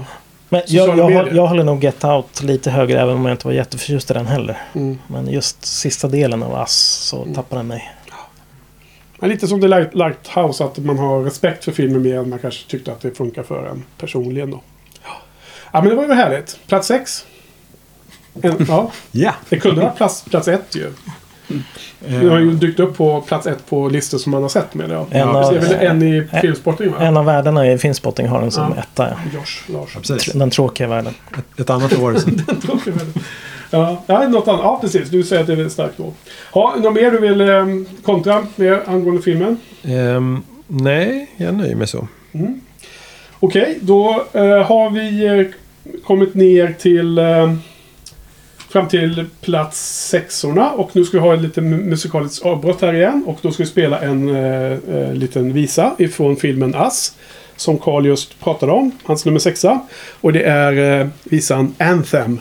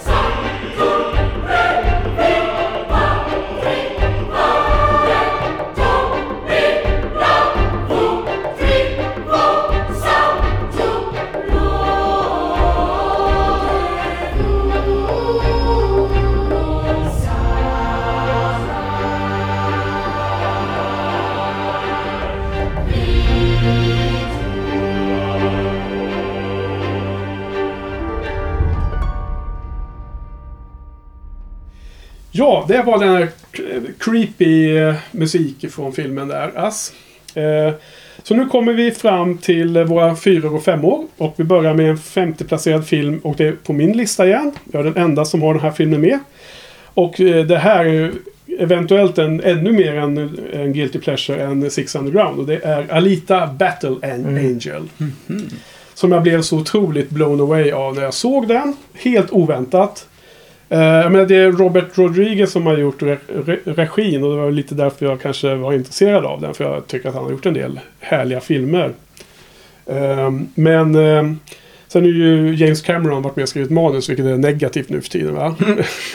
alltså allt efter eh, Avatar, Ja. ja. debacle och sånt där. Just Jag är inte så jättestor fan av Avatar. Men i alla fall. Så det här är ju någon slags eh, live action. Men där huvudpersonen, den här Alita, eh, är då eh, animerad. Eh, hon spelas av eh, Rosa Salazar. Och det här är någon, vad heter det, manga va? Det kommer ifrån. Ja, som är uppskattad. Och, som jag inte alls har läst. Men jag tyckte det var en superhärlig film. En eh, otrolig också underhållande film. Det är återkommande för mig i år. Det är kanske underhållande filmer som jag har prioriterat och varit mest positiv till. Liksom. Ren un- underhållning, inte så mycket innehåll då, om man säger så. Men här har vi faktiskt en väldigt schysst... Jag tycker hela världen är schysst. Det, är så, det påminner lite om en lite mer torr version av Blade Runner-världen. Det är liksom framtid men ändå liksom jorden. Det är ju inte science fiction ute på Tantoin eller något sånt där. Nej, nej. Eh, och det är eh, massor av härliga birollskaraktärer och det är en skön story. Och jag är supersugen på att det skulle bli en trilogi som det skulle vara.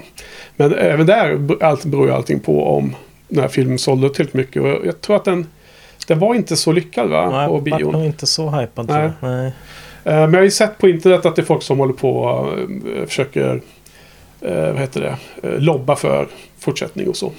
Är, är det någon av er som har sett filmen? Japp, japp. Nej. Nej, tyvärr. inte ni heller. Men du har sett den igen? Mm. Ja. Jo, men den är riktigt Så. Den, den är riktigt bra faktiskt. ja. Eh, den var väl inte uppe och nosade på topp 10 och så, men eh, vad kan det vara? Topp 30 kanske? ja. Eller något. Eh, nej, men jag gillar också liksom själva science fiction, liksom framtidsmiljön, eh, världsbyggandet, miljöerna, hur man får till allt. Hon är ju snyggt animerad. ja. Eh, och eh, jag vet du nämnde hon får någon reflex någon gång när hon eh, går in i någon sorts fighting mode. ja. Vilket var väldigt effektivt. Ja. Jag älskade när hon, hon var så... När hon började... Alltså... Det var inte så jättemycket om handlingen men, men hon är ju... Hon återskapas.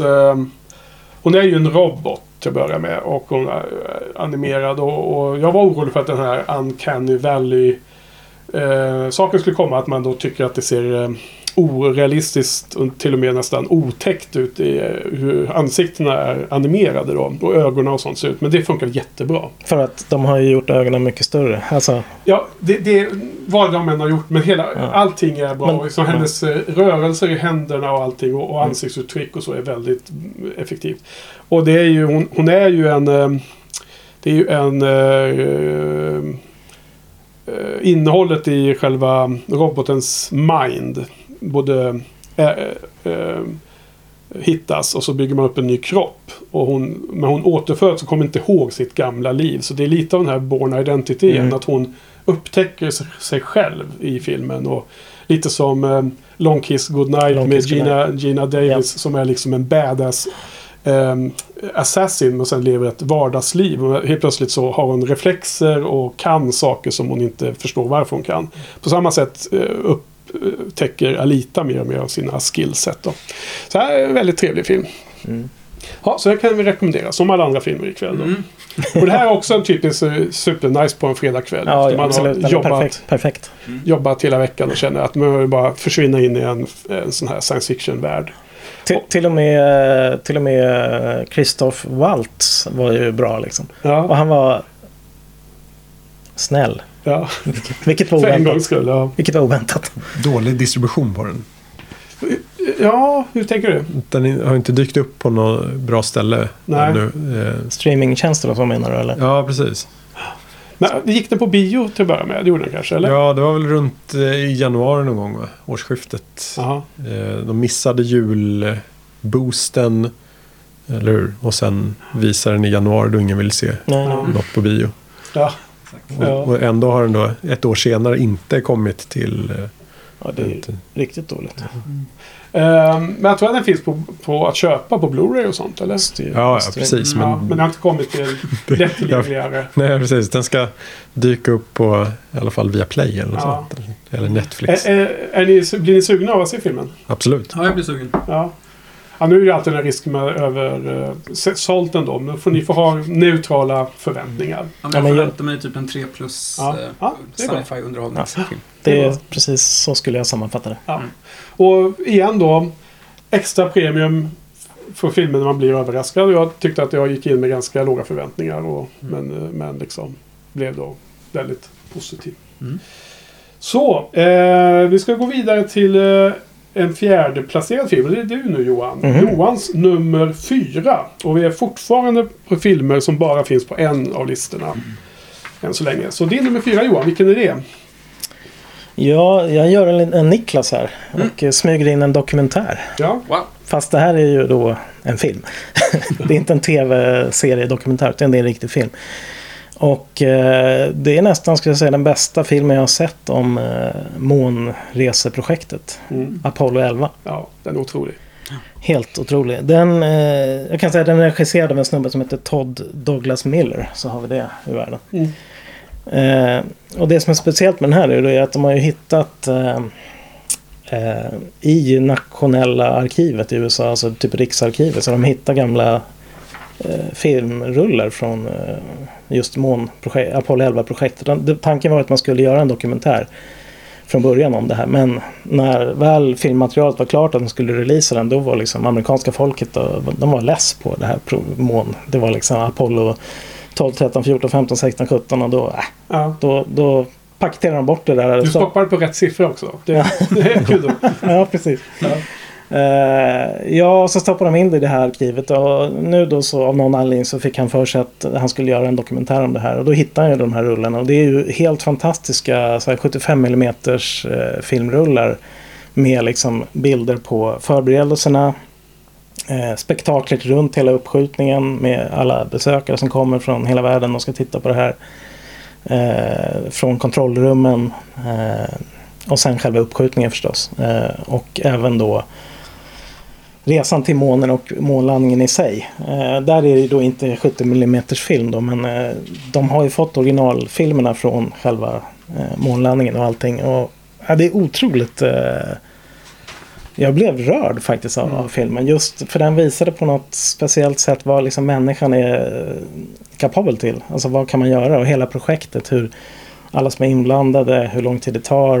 Eh, det var helt eh, otroligt att se. Så att eh, Eh, ja, den kan jag verkligen rekommendera. Eh, sen eh, insprängt emellan de här eh, autentiska bilderna så, så har man ju då små illustrationer som beskriver vad som händer. Liksom, hur, hur man ska komma in i omlopp runt månen, hur det går till och sådär. Det är väldigt enkla, simpla bilder med eh, svart bakgrund och vit som streck som visar det. Så det är väldigt snyggt och fint som kontrast mot de här fina bilderna.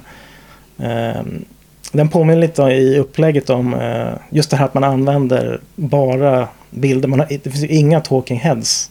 Inga som I, intervju- inga berättarröster. Inga berättare. Det, man använder liksom eh, nyhetsuppläsares eh, röster som är från 1969 då i juli när, när det här hände. Så, eh, jag, jag påminner lite om den här, eh, vad heter den då, Senna. Eh, Mm. Om Ayrton Senna, Formel 1-föraren som omkom där. Eh, där har man ju också bara, det är bara bilder från nyheter och reportage. Mm. Så det är ingen, ingen som sitter och pratar och berättar hur det är liksom. Utan Mm. här får man se allting. Så att, eh, Mm. Och Ja. du, du såg den här filmen på bio eller? Nej, det önskar jag att jag hade gjort. På Ja. IMAX hade det varit otroligt häftigt. Ja. Eh, även med tanke på ljud. Alltså det är väldigt bra ljudspår. Lite lite gravity-varning kanske. ja Eh, eh, Stämningsfullt. precis, alltså det här eh, ljudspåret eller eh, music score på den här filmen är ju fantastiskt bra och det är gjort i, på så tids eh, eh, riktiga elektroniska instrument. Så det är ju blipplopp syntmusik. Mm. Ja, Otroligt nice. Ja. Eh, jag måste säga att det här är en fantastiskt bra film. Och den är en bubblare. Jag håller med. mig. En bubblare. Ja, du har nummer fyra. Alltså för mig är det lite så att det, det är något... eh, något eh, jag rankar inte dokumentärer lika högt riktigt när det kommer till, till topp 10-listor. nej, det gör inte jag heller normalt sett. Nej, normalt liksom- sett. Jag vet att du inte gör det så det är extra kul att se den här filmen där. Det är en bubblare för mig och mm, hade jag sett den på bio kanske när han kommit in faktiskt. Jag såg den hemma och, och jag tror att den kunde blivit ännu mer eh, impactful om man sett den. Men eh, jag tyckte den var fantastiskt bra. Har, har ni sett den killar? Jag såg den ju faktiskt på IMAX. Ja. Ehm, Och den är ändå inte med på din lista. Nej, alltså den snuddade via en topp 10. Men Ja. det är ju, hade, ett vanligt år hade den ju varit med. Men det här är ju det är ett sånt otroligt filmår. Ja. Ja. Ja, men som ni säger, liksom ljudspåret och alltså, det var otroligt mäktigt att se i, i en sån salong. Eh, och just det här också att det är så befriande att slippa talking heads, att man kan berätta det här utan sådana gamla stela Ja. grepp. Så en av de bästa dokumentärerna på länge, årets bästa Ja, dokumentär. jag håller med. Och den, är inte ens, den var inte ens nominerad för Oscar. Ja, det är obegripligt. Och jag har hört att det beror på just, att, just det här greppet att man bara använder redan alltså, nyhetsmaterial och bilder från, an, från tidigare som redan finns. Det, det att den var diskad ifrån. nej, inte diskad, vara men de föredrar inte det tydligen. Oscarsjuryn. De gillar när man filmar nytt material. Så att säga. Okej. Och jag, Mm. tydligen, eh, de har någon preferens där. Vilket känns obegripligt. Så det är inte att man ifrågasätter att det är en dokumentär.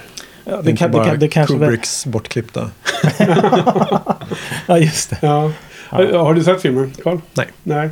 Blir du sugen? Nej. Nej. Nej, men det, det bygger ju såklart också på intresse runt eventet. Ja, ja. Såklart. Mm. Och det är ju vi intresserade av. Och men man inte det så kanske inte går hem. Ja, mycket bra. Något mer Johan om den? Eh, nej, jag tror det blir Nej. så. Ja, då är det åter till mig igen. Då har vi kommit fram till min nummer fyra. Jag har inte många filmer på min lista som ni har uppskattat. Och det här är ytterligare en film som var otroligt underhållande att se.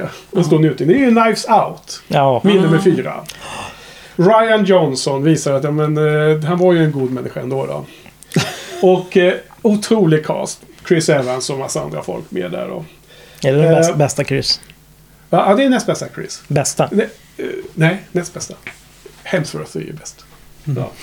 Nej men alltså om, om The Gentleman var i nollan så var ju den liksom... Uh, The Gentleman som jag hade på plats 8-9 någonstans där, 9 var det.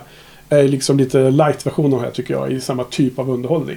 Så för att göra en jä- jämförelse där. Och det här är uh, snäppet upp i allting. Det är en underbar uh, deckare alla Agatha Christie. Har ni sett den? Ni har sett den? Ja. Knives Out allihopa? Ja. Mm. En härlig visning för övrigt. Ja, på filmfestivalen. Ja, den tillsammans. Allihopa. Mm.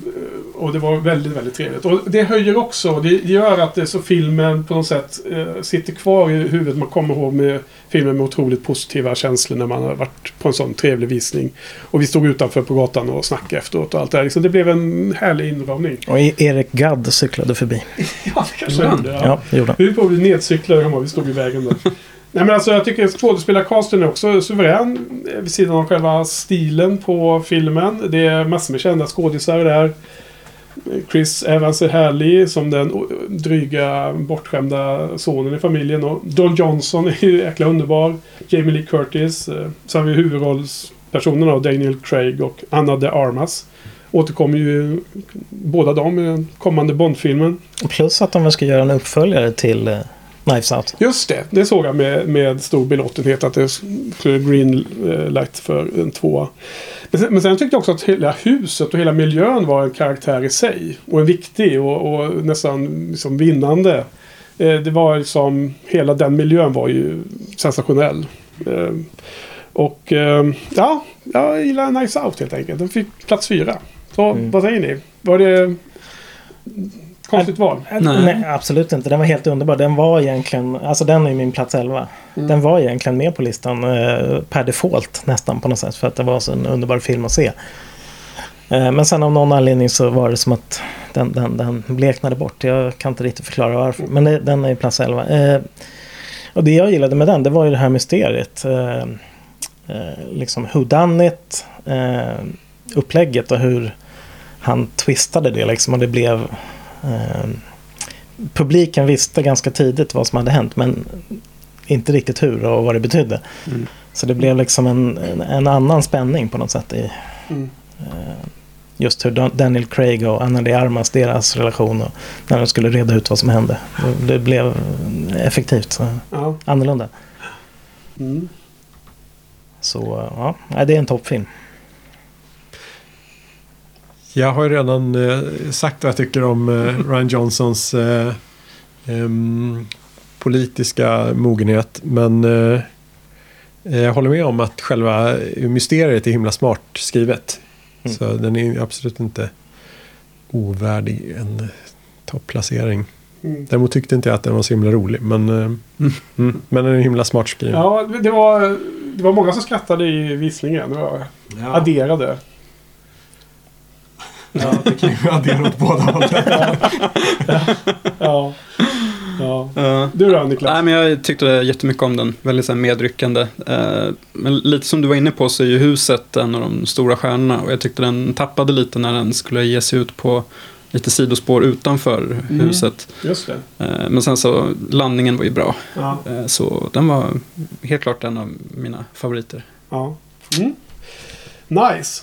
Ja, ehm, då så eh, kommer vi till ett nytt musikavbrott och sen ska vi avsluta med eh, de sista tre filmerna för kvällen. Eller för det här avsnittet.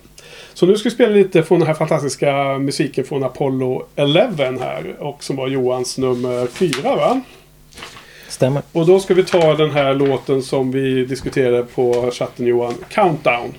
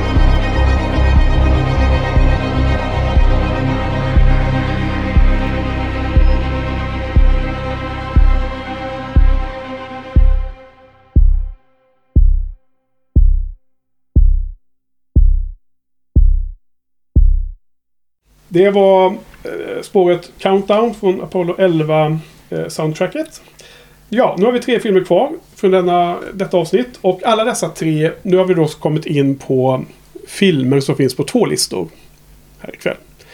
Så nu har vi täckt in eh, alla eh, filmer som bara är på en lista och som inte är på topp tre för de vill spara till nästa vecka. Så nu ska vi börja kolla vilka som har fått två platser, eh, två listor. Och nu kommer vi en film som Niklas ska presentera och det är din nummer 10 och också min nummer åtta. Den här filmen. Just det. Eh, Jag brukar inte vara ett stort fan av kostymdrama. Eh, Men eh, när jag hörde att Greta Gerwig var tillbaks med en ny film så Då bortsåg du från det. då bortsåg jag från det helt enkelt. Och jag hade också hört eh, flera säga, som jag litar på när det gäller filmsmak, att det här var något alldeles extra. Eh, och Little Women var ju det, Mm. eh, absolut. Jag är inte alls bekant med eh, original, eller liksom den litterära förlagen och, eller några andra filmatiseringar. Eh, och jag tyckte att Lady Bird, eh, som hon gjorde innan, var bra, men den här är mycket bättre, Ja, tycker jag. Eh, håller faktiskt med om den ja. jämförelsen, jämförelsen också. Och det är sånt, um, alltså i början av filmen så här, då hakar jag upp mig lite på att det var lite väl mycket så här, kanske flashbacks. Så här, "Ja, ska det filmen vara så här? Och det ska den. Den är ju liksom uppstyckad, eh, tidslinjen då. Men det var ju liksom inte så svårt att hänga med eh, på grund av lite så smarta visuella eh, ledtrådar. Och, eh, ehm, och otrolig cast då. Eh, Saoirse Ronan och eh, Florence Pugh eh, sticker ut lite extra då kanske. Ja. Blev Oscars-nominerade. Håller helt med där också. Laura Dern vann, Laura Dern, eh, just vann ju Oscar. Men precis, för en annan här. film. Filmen. Sorry, Ja, Och ehm, hon var med. hon var med. ja, alltså det här är en film man blir på väldigt gott humör av. Eh, jag tycker den var så här eh, omedelbart liksom så här. Kände att den var här helt, var helt fantastisk. Och ehm, stannar här kvar ganska länge efteråt, vilket jag kanske inte trodde eh, med tanke på något vi kanske inte ska spoila, men det är ju, lämnas ju kanske lite öppet vad som faktiskt har försiggått här. Du kanske inte har sett den? I filmen. Ja, I filmen. ja alltså det, du, det sista du säger här. Det här med att den hänger kvar i huvudet på en långt efter man sett filmen. Det är egentligen enda anledningen till att den är med på min topp 10. Överhuvudtaget. Jag, jag var ju... Eh, jag, var, jag var inte alls lika het på den eh, direkt efter vi hade sett filmen. Faktiskt. Eh, vi såg den ihop Johan. Mm. Eh, har du sett den Karl? Jajamän. Ja, alla har sett den. Men det växte väldigt mycket med, med tiden. Och den, den är en av de filmer som man kommer ihåg tydligast i huvudet från alla de filmer man tittar över vad man har sett under året. Um, förvisso så såg jag den ganska nyligen men det känns ändå som att det, det har redan blivit ikoniska scener, flera av de här. Och jag tycker skådespeleriet är fantastiskt och personregin, det måste vi ge till Greta Gerwig, är exceptionellt. Och, eh, jag tycker det är ganska intressant för att vi, mm, eh, vi eh, som bor i Sverige har kanske inte samma förhållande till den här boken som filmen bygger på. Eh, som amerikanska publiken har. Och jag tror att det är en helt väsensskild skill- skillnad i att hur man går in och ser den här filmen. På grund av det. Jag tror att eh, Gre- Greta Gerwig skrev manus och gjorde en bruten tidslinje, hoppa fram och tillbaks. Det var liksom ingenting som hjälpte mig att upp, uppleva filmen bättre. Jag tycker snarare att det var eh, på minussidan. Men det var inte så att jag inte förstod filmen. Bara att det, var, det var, blev onödigt, onödiga frågetecken medan man satt och såg den. Medan amerikanska folk som har läst den i high school liksom kanske inte Mm. behöver bry sig över det överhuvudtaget. Det är som standardverk har man förstått. Men eh, nej, fantastisk film tycker jag. Och jag gillar inte heller kostymdramer. Men, eh, men skådespelarna som du nämnde så är väldigt härliga. Ja, vad, vad tycker ni då? Alltså jag gillar kostymdramer. Det är, Men gillar inte den här. Normalt sett. ja, normalt sett. Så att det kanske säger något då. Jag, eh, alltså jag gillar ju sådana här klassiska brittiska kostymdramer där liksom allt är uppskruvat till ja, 11. Eh, med liksom eh, härskap i tjänstefolk och det är stiff upper lip och det är liksom sådana saker. Kvinnorna ska gifta sig och Ja. bara producera barn. det är den världen. Det är det du vill ha. Ja, precis. Ja. Eh, Men jag vet inte, den kanske var för smart för mig på något sätt den här. Eller något. Eh, eh, Samtidigt så jag, jag blev liksom aldrig riktigt indragen i storyn eller, eller personerna heller. Jag vet inte riktigt vad det berodde på. De, eh, jag gillar inte han... Alltså Timothy Chalamet tycker jag är lite eh, överhypad. Jag vet inte. Ja, men det är, så håller jag med om. Ja, Men Ja. han har ju inte jätteviktig roll. Han har ju en viktig roll på ett sätt, men det är inte viktigt för upp, uppskattningen av filmen för mig. Alltså, nej, det är ju systrarna där som är det intressanta. Eh, men han är ju med som en sidospelare där. Eh, sen hade jag ju svårt att ta Florence Pugh på allvar som 13-åring eller 12-åring. Ja. Ja, det var skavde lite. Men det var ju först när jag började tänka för det Filmen börjar ju och sen så kommer det upp en skylt där det står då sju år senare. Och så säger hon i, i den scenen att hon är 20 eller typ. Mm. Och då bara, vänta nu. Då var hon 12-13. Ja. Sen kunde jag inte släppa det riktigt. Eh, Men alltså det är ju, om filmen funkar som helhet så ska man kunna, då ska inte sådana saker spela någon roll riktigt. Men Mm. Du då Karl, stödde du dig på åldern på karaktärerna i olika faser av filmen? Ja, jag tyckte att det var extremt psykande eh, i början. Men eh, sen, eh, precis som Joey säger, att eh, funkar filmen som helhet så ta, försvinner det. De Ja. problemen lite. Det var precis vad som hände. Så mot slutet så funkar det. vet du, Då, då såg man mer bara att eh, själva rollfigurerna är väldigt välskrivna och håller ihop. Och eh, sen har man ju god hjälp av Chris Cooper som eh, någonstans guidar eh, känslomässiga på Mm. ett sätt som de andra inte gör. Mm. Ehm, så jag, nej, den var väldigt, väldigt fin. Men eh, det är lite för många sådana här små saker som ändå skaver för mig. Och framförallt eh, metaprylarna som du hintar om tycker jag är jättetrista. Nej, Rycker den ur filmen. de var Inte alls lika roliga som Kevin Smiths. Nej, precis. Det, där ska man hela tiden sitta lite utanför filmen. Ja. Eh, här blir man så insugen i den där världen och bryr sig om eh, rollfigurerna och sen ska man på något sätt eh, slängas ut och betrakta det utifrån. Mm, ja, det funkade vi, inte. Vi ska ju inte spoila sån här eh, handling, eh, extra viktig handling i filmen. Men man kan säga att Greta Gerwig har, har eh, försökt eh, bryta lite mot kanske bokens tidsera. Mm. Där, så, som satte vissa... Så man kan gissa sig att hon ville modernisera vissa moment i boken. Och att lägga in en lite metanivå där i slutet som jag bara älskade. Mm. Jag tyckte det var så himla härligt slut. Ehm, jag, jag, jag tyckte att den där att de var olika åldrar. Jag, jag förstod inte riktigt det i, när jag såg filmen i början. Sen så har jag efterhand tänkt att det kanske var något som Greta Gerwig nästan medvetet bara sket i. Och Bara, bara, bara tyckte att det gjorde ingenting. Mm. Att de inte såg ut som 13 eller 20 och sådär. Ja, Jag tycker det här var... Jag hade ju inte gillat om det var olika skådisar. Nej. Det tror jag hade på något sätt stört mig mer. För när man har lyxen att ha den här ensemblen så vill man kanske använda den så mycket som möjligt. Ja, absolut. Man kan ju undra om, tänk om det funnits en teknik att göra skådespelare mycket yngre. tänk! Då hade Ja, man kunnat verkligen hade kunnat. sälja in det här. Ja. Kan, jag vet inte Ja. om det kommer i någon film framöver. Jag vet. Nej, men sen så, vad heter hon nu då? Jag kan inte ens uttala vad hon heter, spelar huvudrollen. Eh. Sara. Saoirse. Sa- Saoirse. Eh, hennes karaktär var ju så bra. Mm. Det var ju det.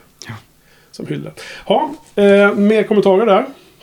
Ja, jag kan väl säga att filmen växte för mig i alla fall. Ja. Eh, den låg på en stark tvåa och sen vart det en stark trea Ja. några veckor senare. Ett stort hopp ändå. Ja, ja, och det blev ett stort hopp för mig också.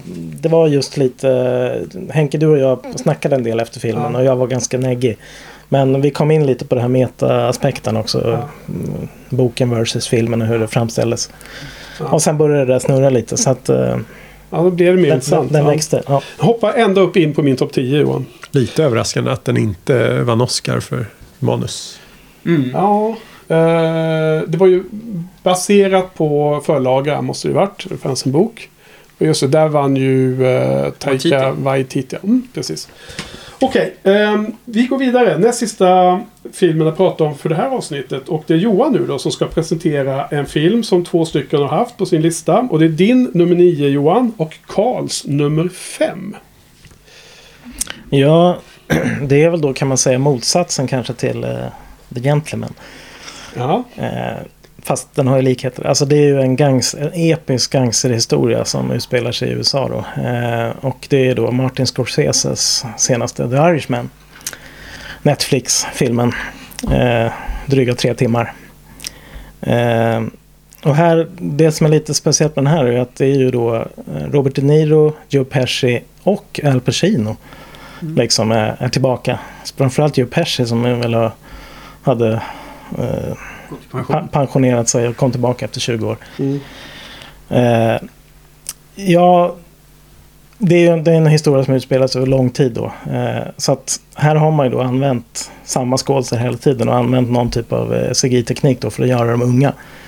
Eh, så att vi får följa Robert De Niros karaktär då Frank. Han eh, eh, blir engagerad av maffiabossarna i, det är väl, är det Philadelphia tror jag det är. Faktiskt. Eh, en av dem då spelas av Joe Pesci. Eh, och han stiger i graderna och, och, så vidare. Och sen får han till slut jobba som eh, någon sorts livvakt åt eh, Jimmy Hoffa som spelas av Al Pacino. Ja, och sen får man helt enkelt följa det, du bygger ju på verkliga händelser här. Mm, det är biografiskt. Ja. De, de här personerna finns va? Precis. Det fanns? Ja, ja absolut. De, de finns. Och det bygger på en bok också där. I heard you paint houses. Som då syftar på att man sysslar med att vara lönnmördare. Eh, och eh, det som jag gillar med den här filmen. Dels var det väldigt liksom. Det konstiga är att den är mysig hela den här världen i Philadelphia, hur alla regler hur det hänger ihop och alla uttryck. De pratar med varandra. Ibland är de I'm a little bit worried about this person. Då kan det betyda någonting. Och så ibland säger de I'm extremely worried. Då betyder det något ytterligare farligt. Så att man får liksom lära sig hur allting fungerar. Ehm, och eh, det är nog den bästa delen i filmen. Sen så kommer man att lära känna den här Jimmy Hoffa lite mer. Och det, då hoppar väl filmen, den kanske blir aningen sämre så att säga. För att eh, det blir liksom ganska mycket om Jimmy Hoffas, hans politik och hans eh, korruption. Och eh, de här Kennedy-bröderna som är efter honom. Och han hamnar i fängelse och sådär. Men eh, det som gör den här speciell och skiljer sig som jag tycker jämfört med maffiabröder och eh, kasino och sådär. Det är ju att den fortsätter sen efter det där när de här gubbarna har blivit gamla. Och det, det blir väldigt sorgsen, sorglig film. Eh, och eh, men det, det allra bästa är ändå en, en typ en 20 minuters sekvens som kanske är ja, det är slutdelen av filmen. Det kanske är det kan vara 45 minuter kvar eller något när den är slut. Eh, som bygger upp en spänning som är helt otrolig på ett lågmält sätt. Eh, där Frank har fått ett uppdrag och eh, som han egentligen inte vill genomföra. Eh, och eh, ja, där lyckas Scorsese verkligen eh, få till en, en otäck en obehag och nästan rolig men ändå väldigt obehaglig. Så den scenen tror jag såg om. Jag tror jag såg om den fyra gånger. Hela den sekvensen bara. Ja. Eh, det, det, det, var mycket den sekvensen som gjorde att, att den hamnade på uh, topp 10. Mm. Den där Scorsese, han kanske har en framtid i branschen. Verkar ja, vara duktig. eller en forntid. Jag vet inte. Karl, ja. du har också med den på din topp, topplista. Ännu högre upp till och med. Ja, um, jag hade väl med hans förra film Silence uh, förra gången också. Och eh, det är väl just eh, den här framtiden som han inte har som han passar på att städa av nu. Alla de här grejerna som han har velat göra länge. Eh, som är väldigt, väldigt underbara. De här hänger ju ihop. Mm -hmm. väldigt väl tycker jag med att det finns en väldigt stark eh, ehm, religiös ådra i dem. Eh, om eh, ja, hur, beslutsfattandet, vad som är eh, gott, eh, vad man eh, kan stå för i förlängningen och eh, ifall man eh, någonstans eh, ska ångra det man har gjort. Eh, och det, här så vävs det ihop så himla fint med dels då hela, alla maffiafasoner där man belönas för att inte ifrågasätta lydorder. Mm. Eh, allting är sånt som de eh, eh, omtalar som eh, do the right thing. Ja, och det, ja, det är bara att...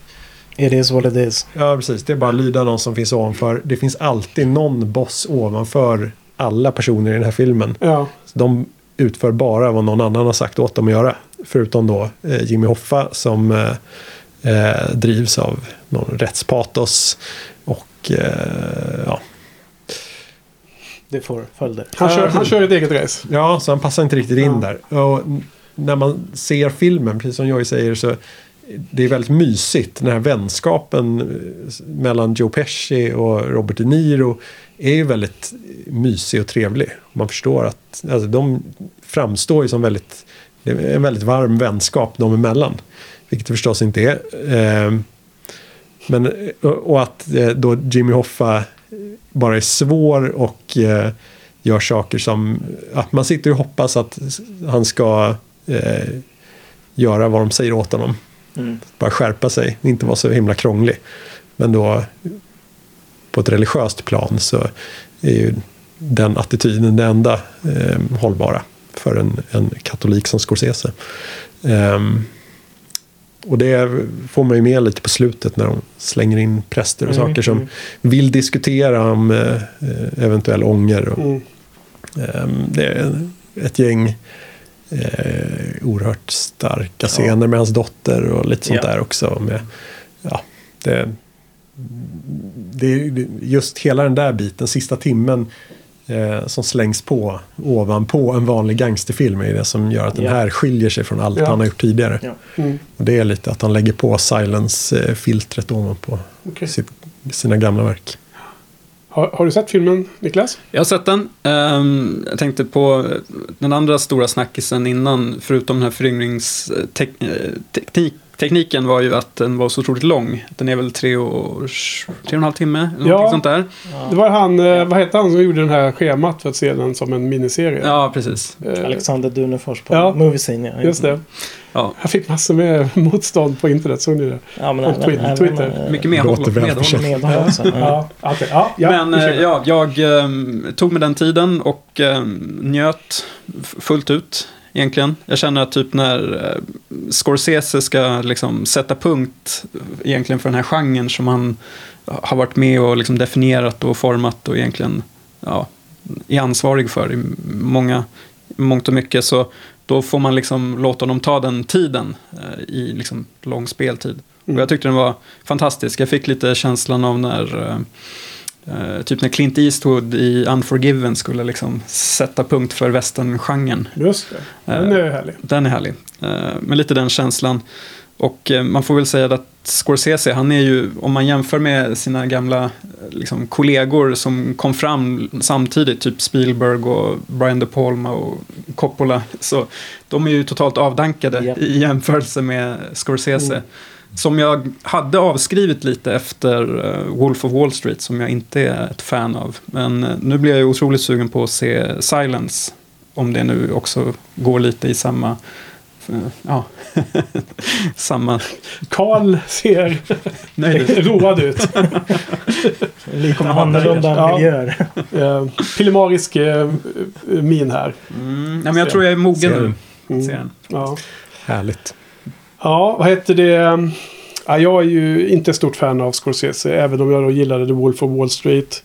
Så gillar jag hans mer eh, standard eh, thrillers som The Departed och eh, Shutter Island. är bra grejer. Men, men jag har inte varit så här förtjust i... Jag har sett två av hans eh, maffiafilmer. Där framförallt då den här Maffiabröder. Jag totalt hatade den. Alltså det var, så, det var smärtsamt att se. En, en, ett, ett av fem. Eller lägre om det finns.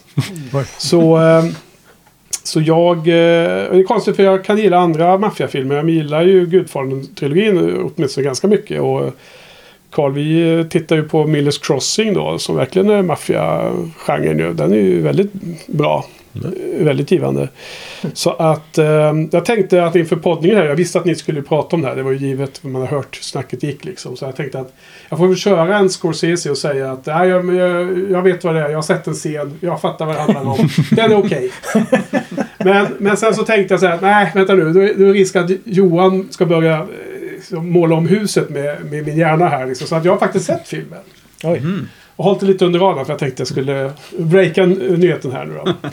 och Alltså den kom inte upp på min topp 10 och jag tycker inte att den är superbra. Men den var ju bra mycket bättre än vad jag trodde liksom. I den meningen att det var ju inte maffiabröder tråkigt liksom.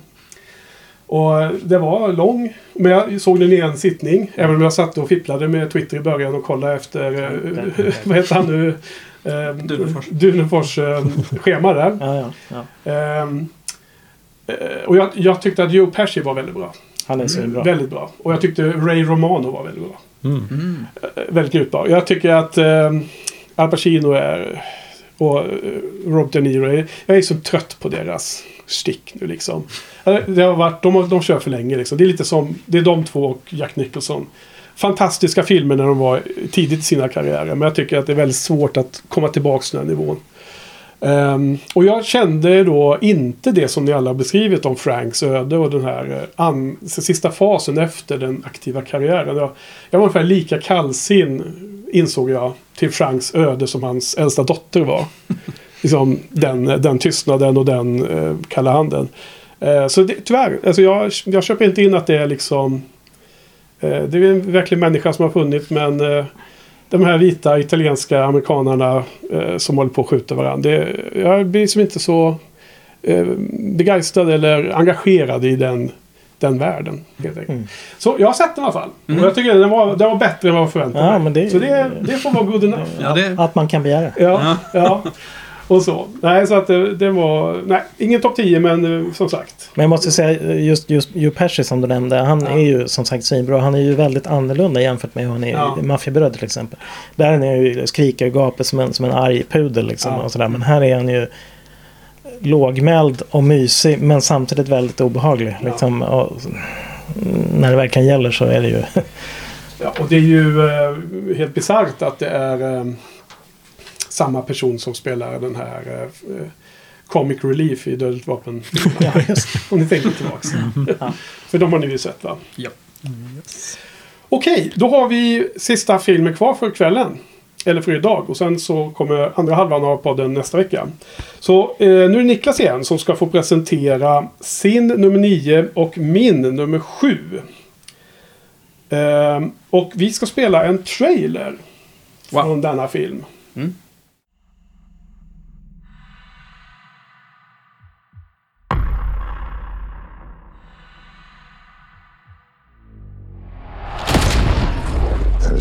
Way this ends.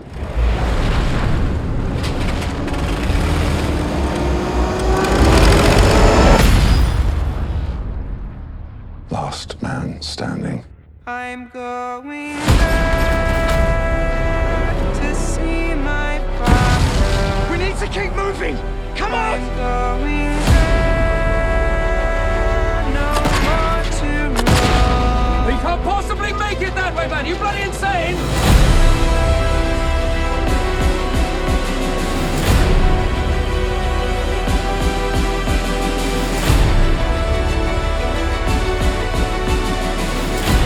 If you don't get there in time,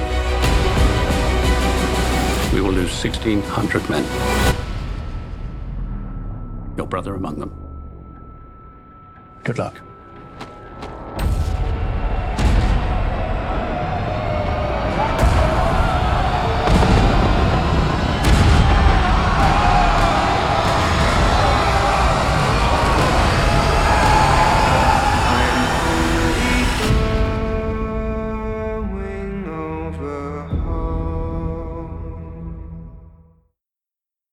Just det. Ehm, avslutningsvis då. Eh, Sam Mendes har gjort en eh, krigsfilm om första världskriget. Och han har gjort den i en, det som ska framstå som en lång obruten tagning. Eller två, eventuellt. Mm. Sen har det fuskats en del, såklart. Men det spelar ju ingen roll. Ehm, för det, känslan är ju det viktiga här och den är ju helt enastående. Eh, att en relativt enkel story med två soldater då som ska eh, resa eller liksom ta sig över ingenmansland där. Eh, genom skyttegravar och allting och eh, lämna ett meddelande till eh, eh 1400 soldater tror jag. Som, för att förhindra ett, eh, att, en attack där de kommer gå in i ett bakhåll. Mm. Och eh, ja, snackisen här har ju varit ju liksom greppet med att göra det i en, en tagning i princip. Lite som den här tyska filmen Victoria som eh, var aktuell för några år sedan. Och där var det ju på riktigt. Där var det på riktigt. Mm. Mm. Där var det ingen fusk. Just det. Påstår de. Jo, Precis. ja, Skeptisk. ja. Ja. Ja, och, ja. ja, och det är ju de här två karaktärerna, rätt okända skådisar, eh, som träffar på lite folk längs med resan. Och eh, Är det Sam och Frodo de heter? Eller de här, filmen? de känns ju lite så, Mm. faktiskt. Mm. Eh, och den här filmen kändes som fler har påpekat förstås, lite som ett tv-spel i eh, strukturen. Dels med den här eh, kameraperspektivet över axeln, att det känns lite som i ett Call of Duty-spel som är en populär spelserie om andra världskriget och med mera. Men också lite tempot i, liksom hur de här actionsekvenserna är uppdelade. Och det finns lugna stunder och det finns eh, ja, mer stressiga stunder. Men det var inget som störde mig. Eh, Jag tyckte att det var... Det finns många bilder i den här filmen som liksom är omöjliga att få bort från näthinnan efteråt. Och det är kanske främst det här liksom sönderskjutna landskapet som de rör sig emellan. Kanske i filmens inledning framförallt. Som är väldigt eh, skräckinjagande. Och ehm, sen är det väl kanske, jag drog lite paralleller till Dunkirk, alltså Christopher Nolans då, som också tar lite nya grepp på hur man kan berätta en krigsfilm. Och precis som där så känns det som att story och karaktärsdjup får liksom stå tillbaka lite för eh, liksom, ja, hela den här eh, känslan och eh, hisnande Mm. eh, ja, sättet det är filmat på egentligen. Ja. Eh, vad tyckte du Henke? Ja, det är min nummer sju då. då. Och filmen är ju 1917 som vi hörde på trailer. Jag tyckte att den var eh, det otroligt eh, fascinerande film, filmskapande. Eh, otroligt imponerande film att kunna ha gjort den. Eh, även om inte det är två långa och obrutna tagningar utan det är klipp så är det ju ändå filmat där på plats i, liksom i en återskapade skyttegravar och i Ja. bunkrar och i, i återskapade sönderskjutna städer och sånt där. Och någon kameraman har sprungit efteråt eller sådär va. Ehm, så det, det är fascinerande. Jag, jag, jag känner att det är kanske den, en av de filmer som kommer mest troligt vara ihågkomna från året i, lång, i framtiden. Jag tror att man kommer tänka tillbaka att 1917 var det här året. Um, sen så kände jag att eh, jämfört med Dunkirk, Dunkirk så tycker jag den här var mycket bättre för att de här två huvudpersonerna kom mycket mer in under huden på mig. Jag kände mycket mer för dem. Och de är ju eh, väldigt trevliga att följa. Alltså de är sympatiska. Man hejar på dem väldigt mycket tycker jag. Och filmen är i partier otroligt spännande tycker jag. Så att, eh, och det är också en film som har vuxit eh, rejält efter man har liksom kommit ut från visningar och såg den på IMAX som var en bra val. Och eh, den liksom, precis som Little Women och så, har inte riktigt lämnat efteråt. Man har gått och tänkt på den mycket mer än en, eh, en vanlig film som man bara glömmer dagen efter. Så att, eh, har jag något mer här? Eh, jag vet inte. Jag har den som plats nummer sju. Jag känner ibland att den borde kanske vara högre upp. Men att på något sätt så...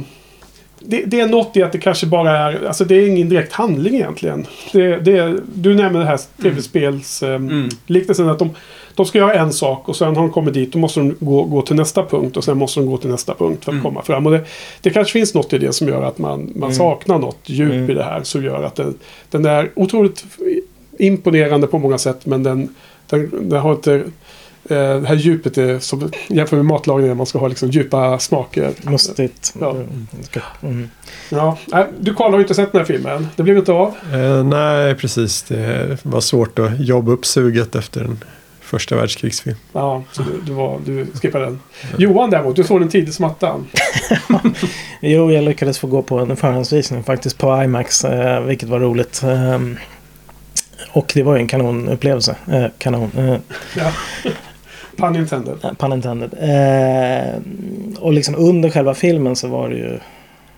Eh, satt man ju som på helspänn liksom och följde de här personerna. Men sen, jag vet inte. Det här greppet med en tagning, eller att det skulle framstå som en tagning då. Det, jag kanske till slut ledsnade lite på det. Jag saknade någon dynamik. Liksom att, eh, det, det saknades ju flera filmiska element så att säga, i filmen. Eh, klippning till exempel. Ja. Ja, Och jag måste inflika där.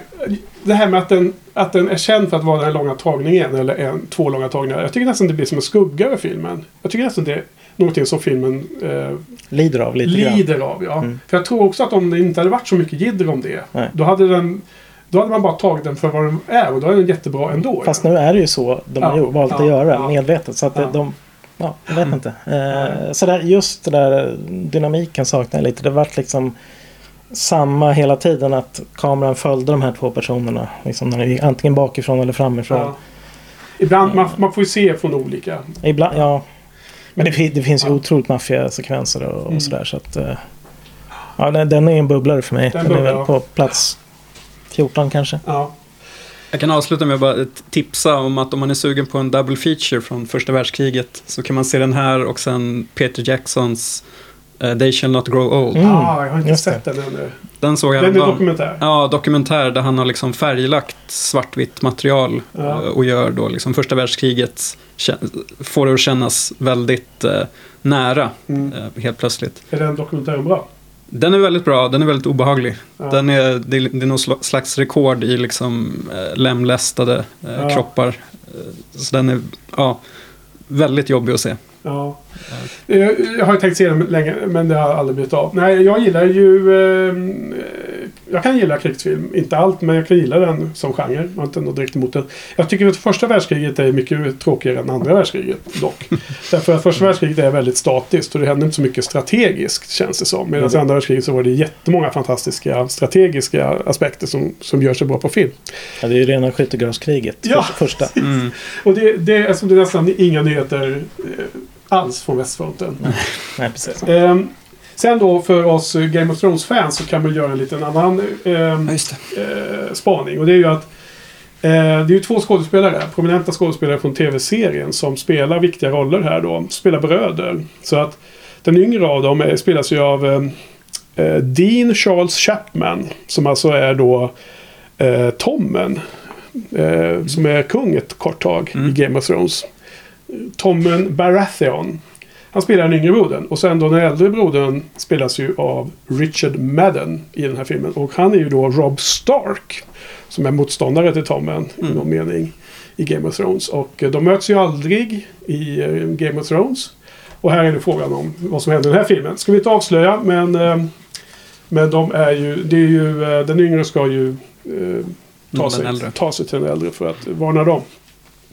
Okej, jättebra. Nu har vi då eh, kommit till eh, vägs ände för det här avsnittet. Och eh, vi har gått igenom 11 filmer. Nej, vi har gått igenom 15 filmer. Och vi har ett gäng kvar.